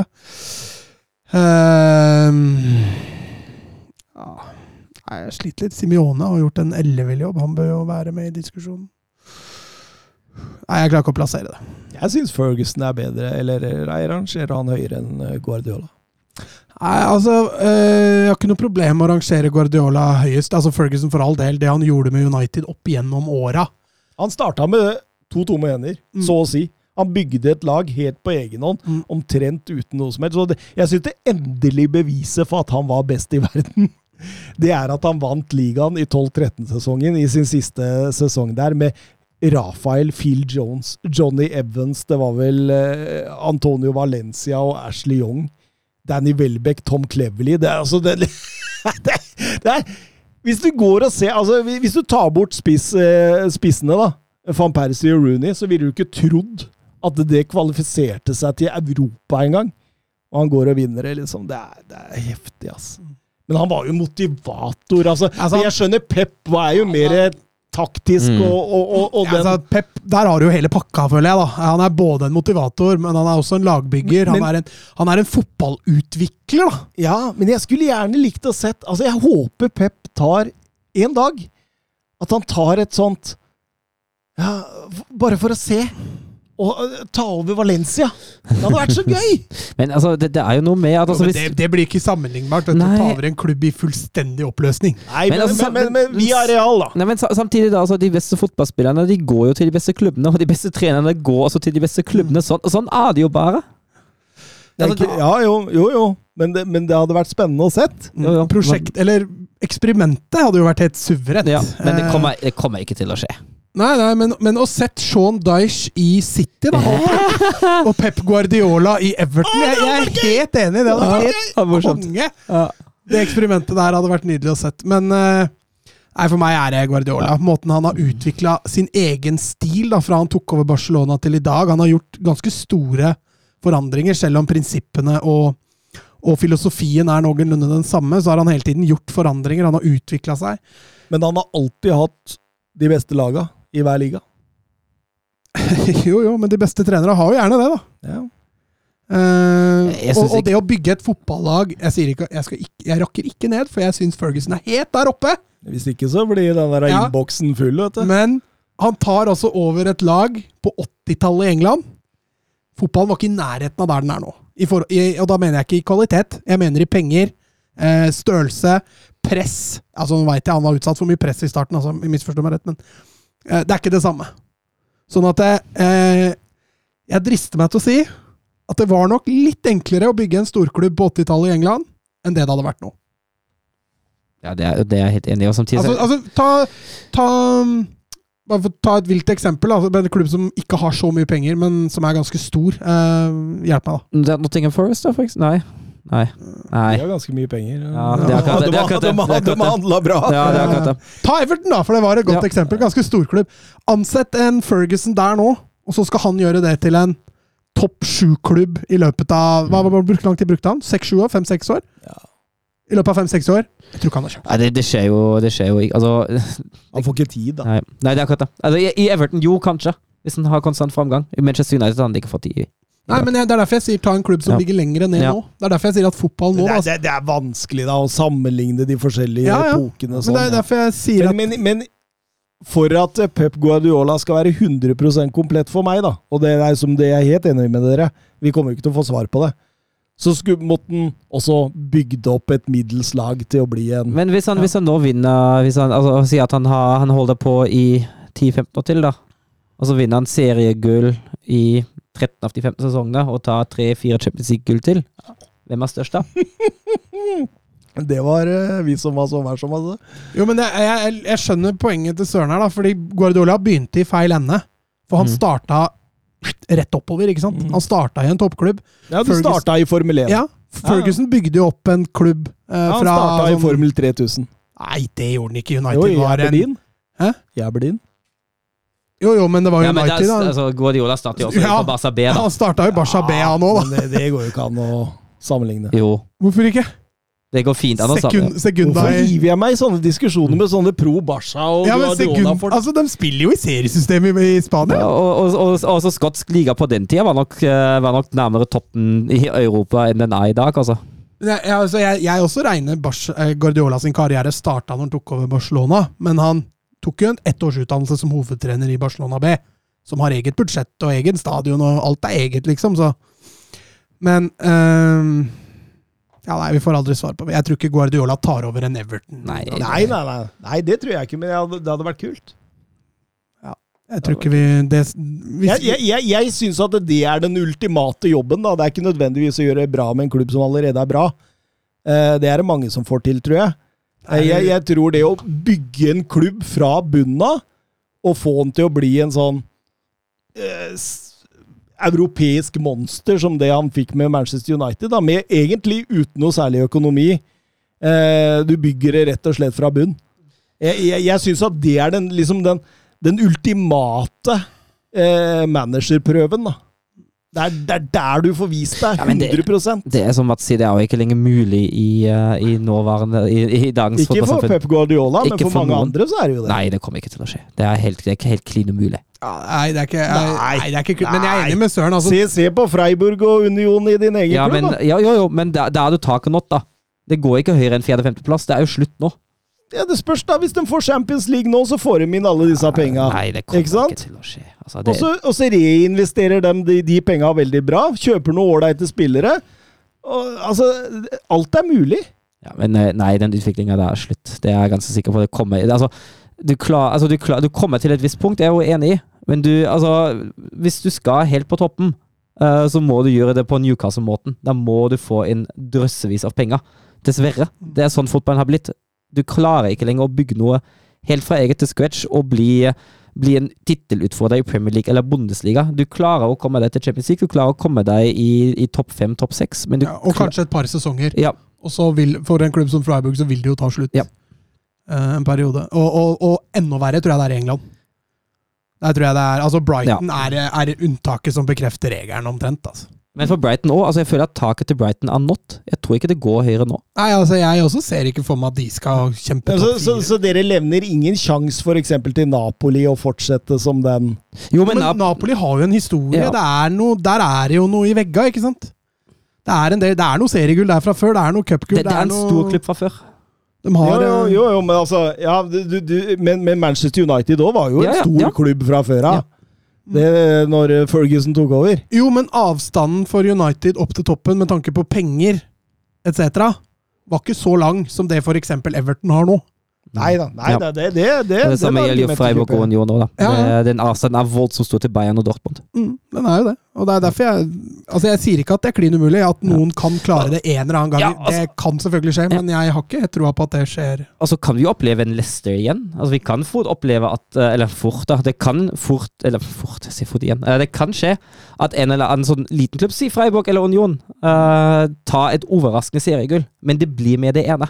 Mm. Det blir altså eh, Det blir ikke en eh, varig etablering i, i, i toppen, dessverre. Nei. nei, nei. Jeg hadde ønsket Jeg hadde, jeg hadde Jeg- digga å se det. Jeg hadde jeg- ønsket å se Jeg det. tror det er mulig, men uh... Altså, jeg tror aldri vi får en Ferguson igjen. Nei, det tror ikke jeg heller. At en bygger opp en klubb fra sånn midt på treet i en topp tre-fire-liga, og holder dem der i 15 år. Tror, ikke jeg, tror jeg ikke jeg, tror jeg jaggu du skal jobbe beinhardt, altså. Ja, fordi altså, du, Problemet er jo altså du kan, du kan kanskje klare det en eller to sesonger uh, når de andre svikter litt og du har maksflyt. Mm.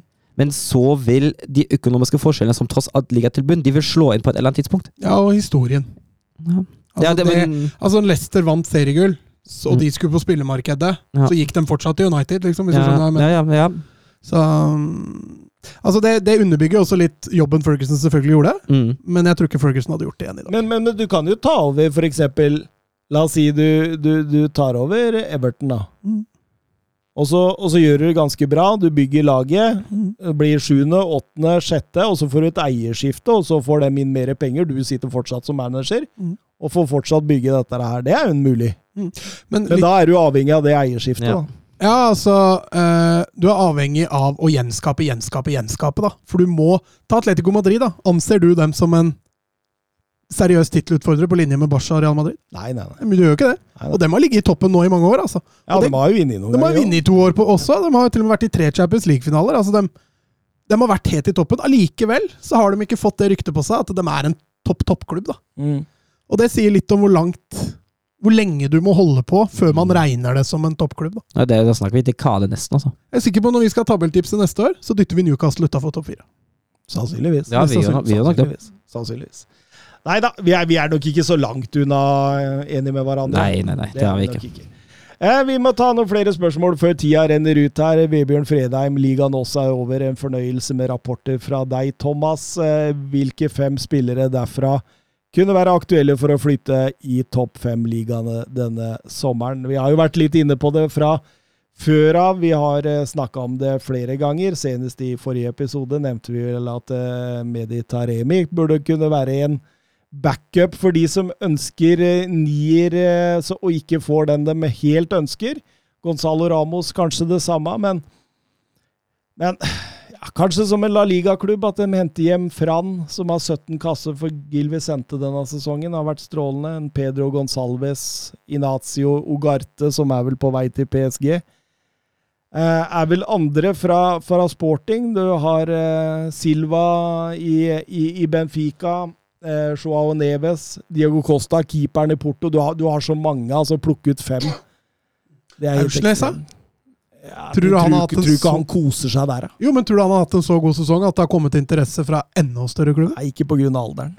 Jeg tror han blir Han begynner jo faktisk å pushe ja, Han er ikke 30 ennå, men eh, 27 eller noe? Eh, Nikolai, fotballmann. Eh, hvorfor er Mats Møller Dæhlie med i Norges landslagstropp fremfor Pellegrini og mange andre hadde fortjent plassen? Og hvorfor er det eh, og hvorfor er det av at Truls Dæhlie er topp fotballsjef i NFF? Nei, da, takk, takk for altså, jeg har, Da jeg så den landslagstroppen altså Da jeg så navnet til Mats Møller, da jeg ble så sint. Jeg ble så forbanna. Han har ingen verdens ting å gjøre. Nå har han prestert nesten utelukkende dårlig for Nürnberg i nedrykksstriden i andre Bundesliga. De kava seg til trykkplass med, med et nødskrik, eh, så vidt det var. Uh, Mats Møller Dahlie har som ofte vært dårlig i det laget der. Den ene omgangen han fikk mot Finland i desember, var egentlig nok til å avslutte langslagskarrieren der og der. For altså, han har jo ikke prestert eh, på en fotballbane i i hvert fall et år nå. Nesten. Altså, ja, kanskje han har hatt et par gode kamper for Nürnberg, greit nok det, men herre min hatt, altså. Han har jo ingenting i det landslaget å gjøre. Altså, jeg, jeg Han hater Dæhlie, han. Nei, jeg hater han ikke. Men jeg er misfornøyd med at han får klippekort på, i troppen. Det var helt sykt. Altså, jeg kan forsvare det til en viss grad. For eh, du har vært innom fotballtreneryrket, både på ungdomsfotball og eh, voksenfotball. Det å ha en klovn, skråstrek en ja, men du skjønner, En klovn i garderoben, da, hvis du skjønner hva jeg mener. Det å ha en som gutta snakker med, en som snakker med gutta, en som eh, kan roe gemytter, en som er litt fredsmegler. Sånn. Å ha en sånn i troppen, helt uvurderlig. Helt uvurderlig. Som gjør at ikke trenere hele tida må gå imellom, gå, gå og fredsmegle.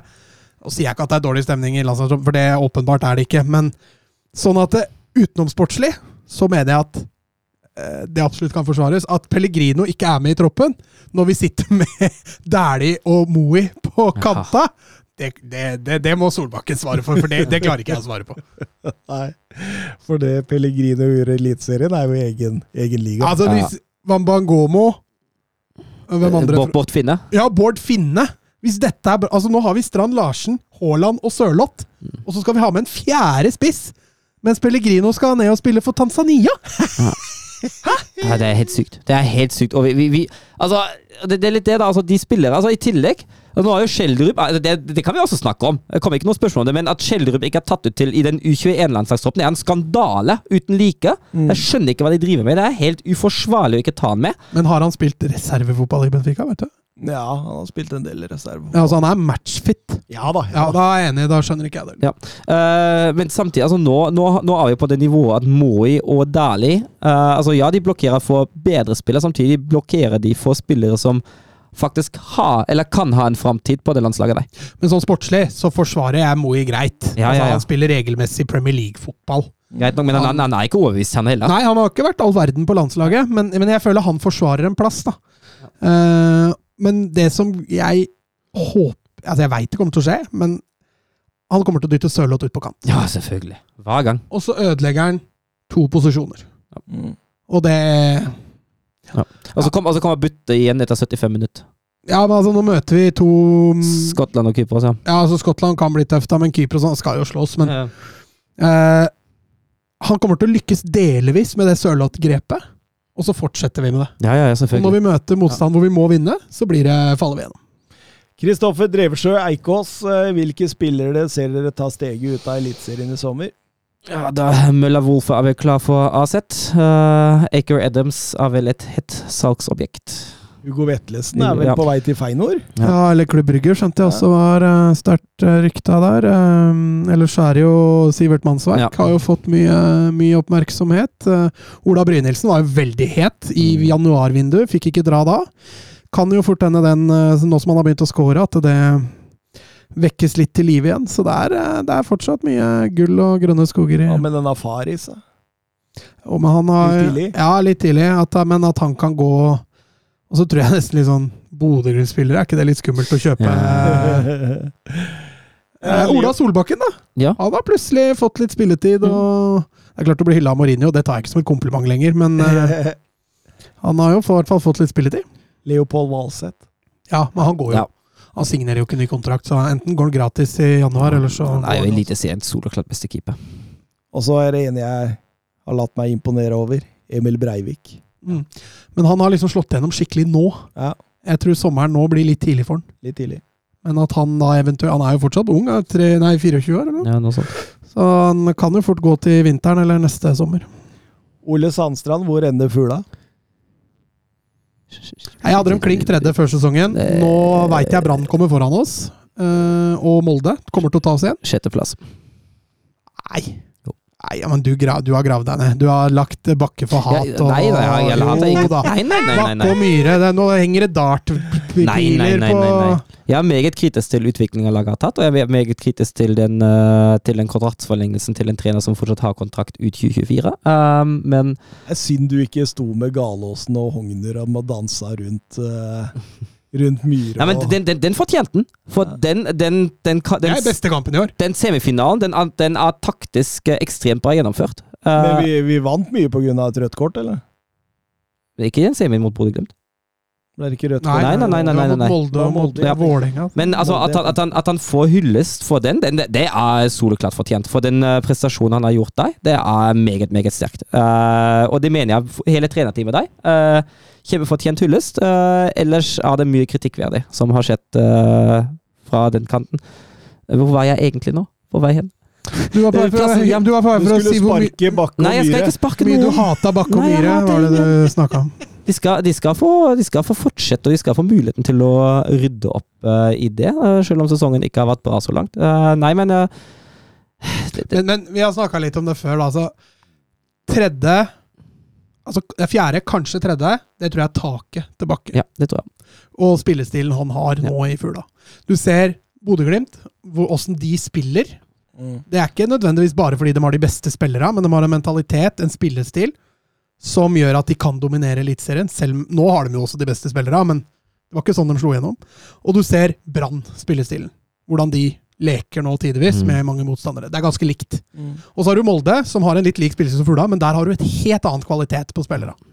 Eh, så de tre havner garantert foran Lillestrøm, sånn som det ligger an nå. Eh, bak der så er jeg ikke helt villig til å avskrive Nei da, men jeg, altså, jeg tipper han på femte før sesongen. Eh, men, Jeg hadde den på tredje, tror jeg. Ja, men Jeg jeg, skjønner at du ikke går opp nå. Nei, det er det er derfor jeg går ned til sjette.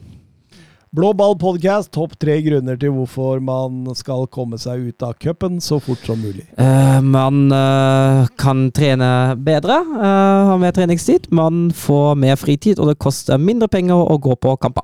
Hei!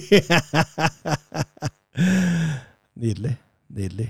Var det ikke et spørsmål fra Didrik Tofte Nilsen nå til meg? Var det det? Ja. Han ville, Husker du det? ja, han ville vite hva jeg tenker om uh, hvordan Kjetil Knutsen kunne ha gjort det i Ajax. Ja. Åssen kunne du gjort det? åssen kunne du gjort det? Nei, jeg, jeg tror jo han hadde, med tanke på hans stil, da, eh, at han hadde passa godt inn i Han fikk tid, vet du. Nei, det er det som er problemet. Ja. For han trenger litt tid. Uh, men stilen, da? 4-3-3. Ja. Dominerende fotball. Uh, Pasningsfotball. Uh, Possession-fotball. Uh, Para med et ganske aggressivt og høyt gegenpress. Uh, Gjort akkurat som alle spillerne sine, kommet rett hjem til Bodø i løpet av et år. Ja, men, eh, altså, men taktisk har den passa godt inn, for det er jo akkurat den stilen Ja Ajax vil stå ja, for. Spøk Altså, til side. Han har jo hatt dårlige Altså, Åsane gikk jo ikke bra. Nei, nei, nei. Eh, Nå skal Åsane til Ajax, det er ganske lang, langt imellom der, da. Men eh, han, han holdt jo på å rykke ned første sesongen sin i Bodø-Glimt. Ja. Så Han trenger tid. han Jeg også tror det. Og han, jeg vet ikke, han snakker vel ikke flytende nederlandsk. Han har kanskje tatt noe portugisisk lynkurs for å lære seg hva Mourinho sier, men eh, språket òg kan jo bli, kan også, også bli en da, greie. Og sånn sett tror jeg kanskje han hadde passa enda bedre inn i Celtic. Eh, for i Celtic finner han et fundament som ikke er så langt fra det han har sjøl. I Celtic kan han bygge videre på det som er bygga opp nå. Eh, mens i Ajax, Ajax er jo en klubb som hatt en elendig sesong, og som også må litt gjenreises. da. Uh, og da er oppbyggingsarbeidet betraktelig vanskeligere. Uh, så hvis jeg hadde vært Kjetil Knutsen hadde jeg, og hadde fått tilbud fra Celtic, hadde jeg takket ja til det. For det Ja. tror jeg, det tror jeg hadde passa som hånd i hanske. Jeg hadde tatt Ajax. Lett. Jeg tror uh...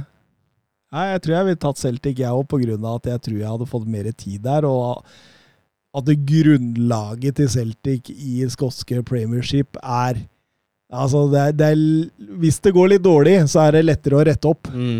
Jo, men å tape på målstreken til Rangers og tape FA Cup-finalen mot Ja, Rangers, her, da her gjelder det å bygge karriere, Mats. Ja, men Tror du ikke du får sparken, da? Fra Celtic til Tottenham, da. Ja, men, oh. ja, men hvis du ryker i Premier, i Premier League i Skottland Da er det rett hjem til Bodø. Ja, det er det jeg sier! Ja, jeg, Eh, Jeg sier at sannsynligheten sannsynlighet for å lykkes i Celtic er nok litt større enn i Ajax, men jeg tror også eh, veien til å oppleve suksess der da, kommer til å føles som bedre mestring enn i Celtic. For det er lettere å gjøre det der. Ja. Nei, vi må takke av, gutta. Ha det Det blei bare tre og en halv time. Ja da. Ha det.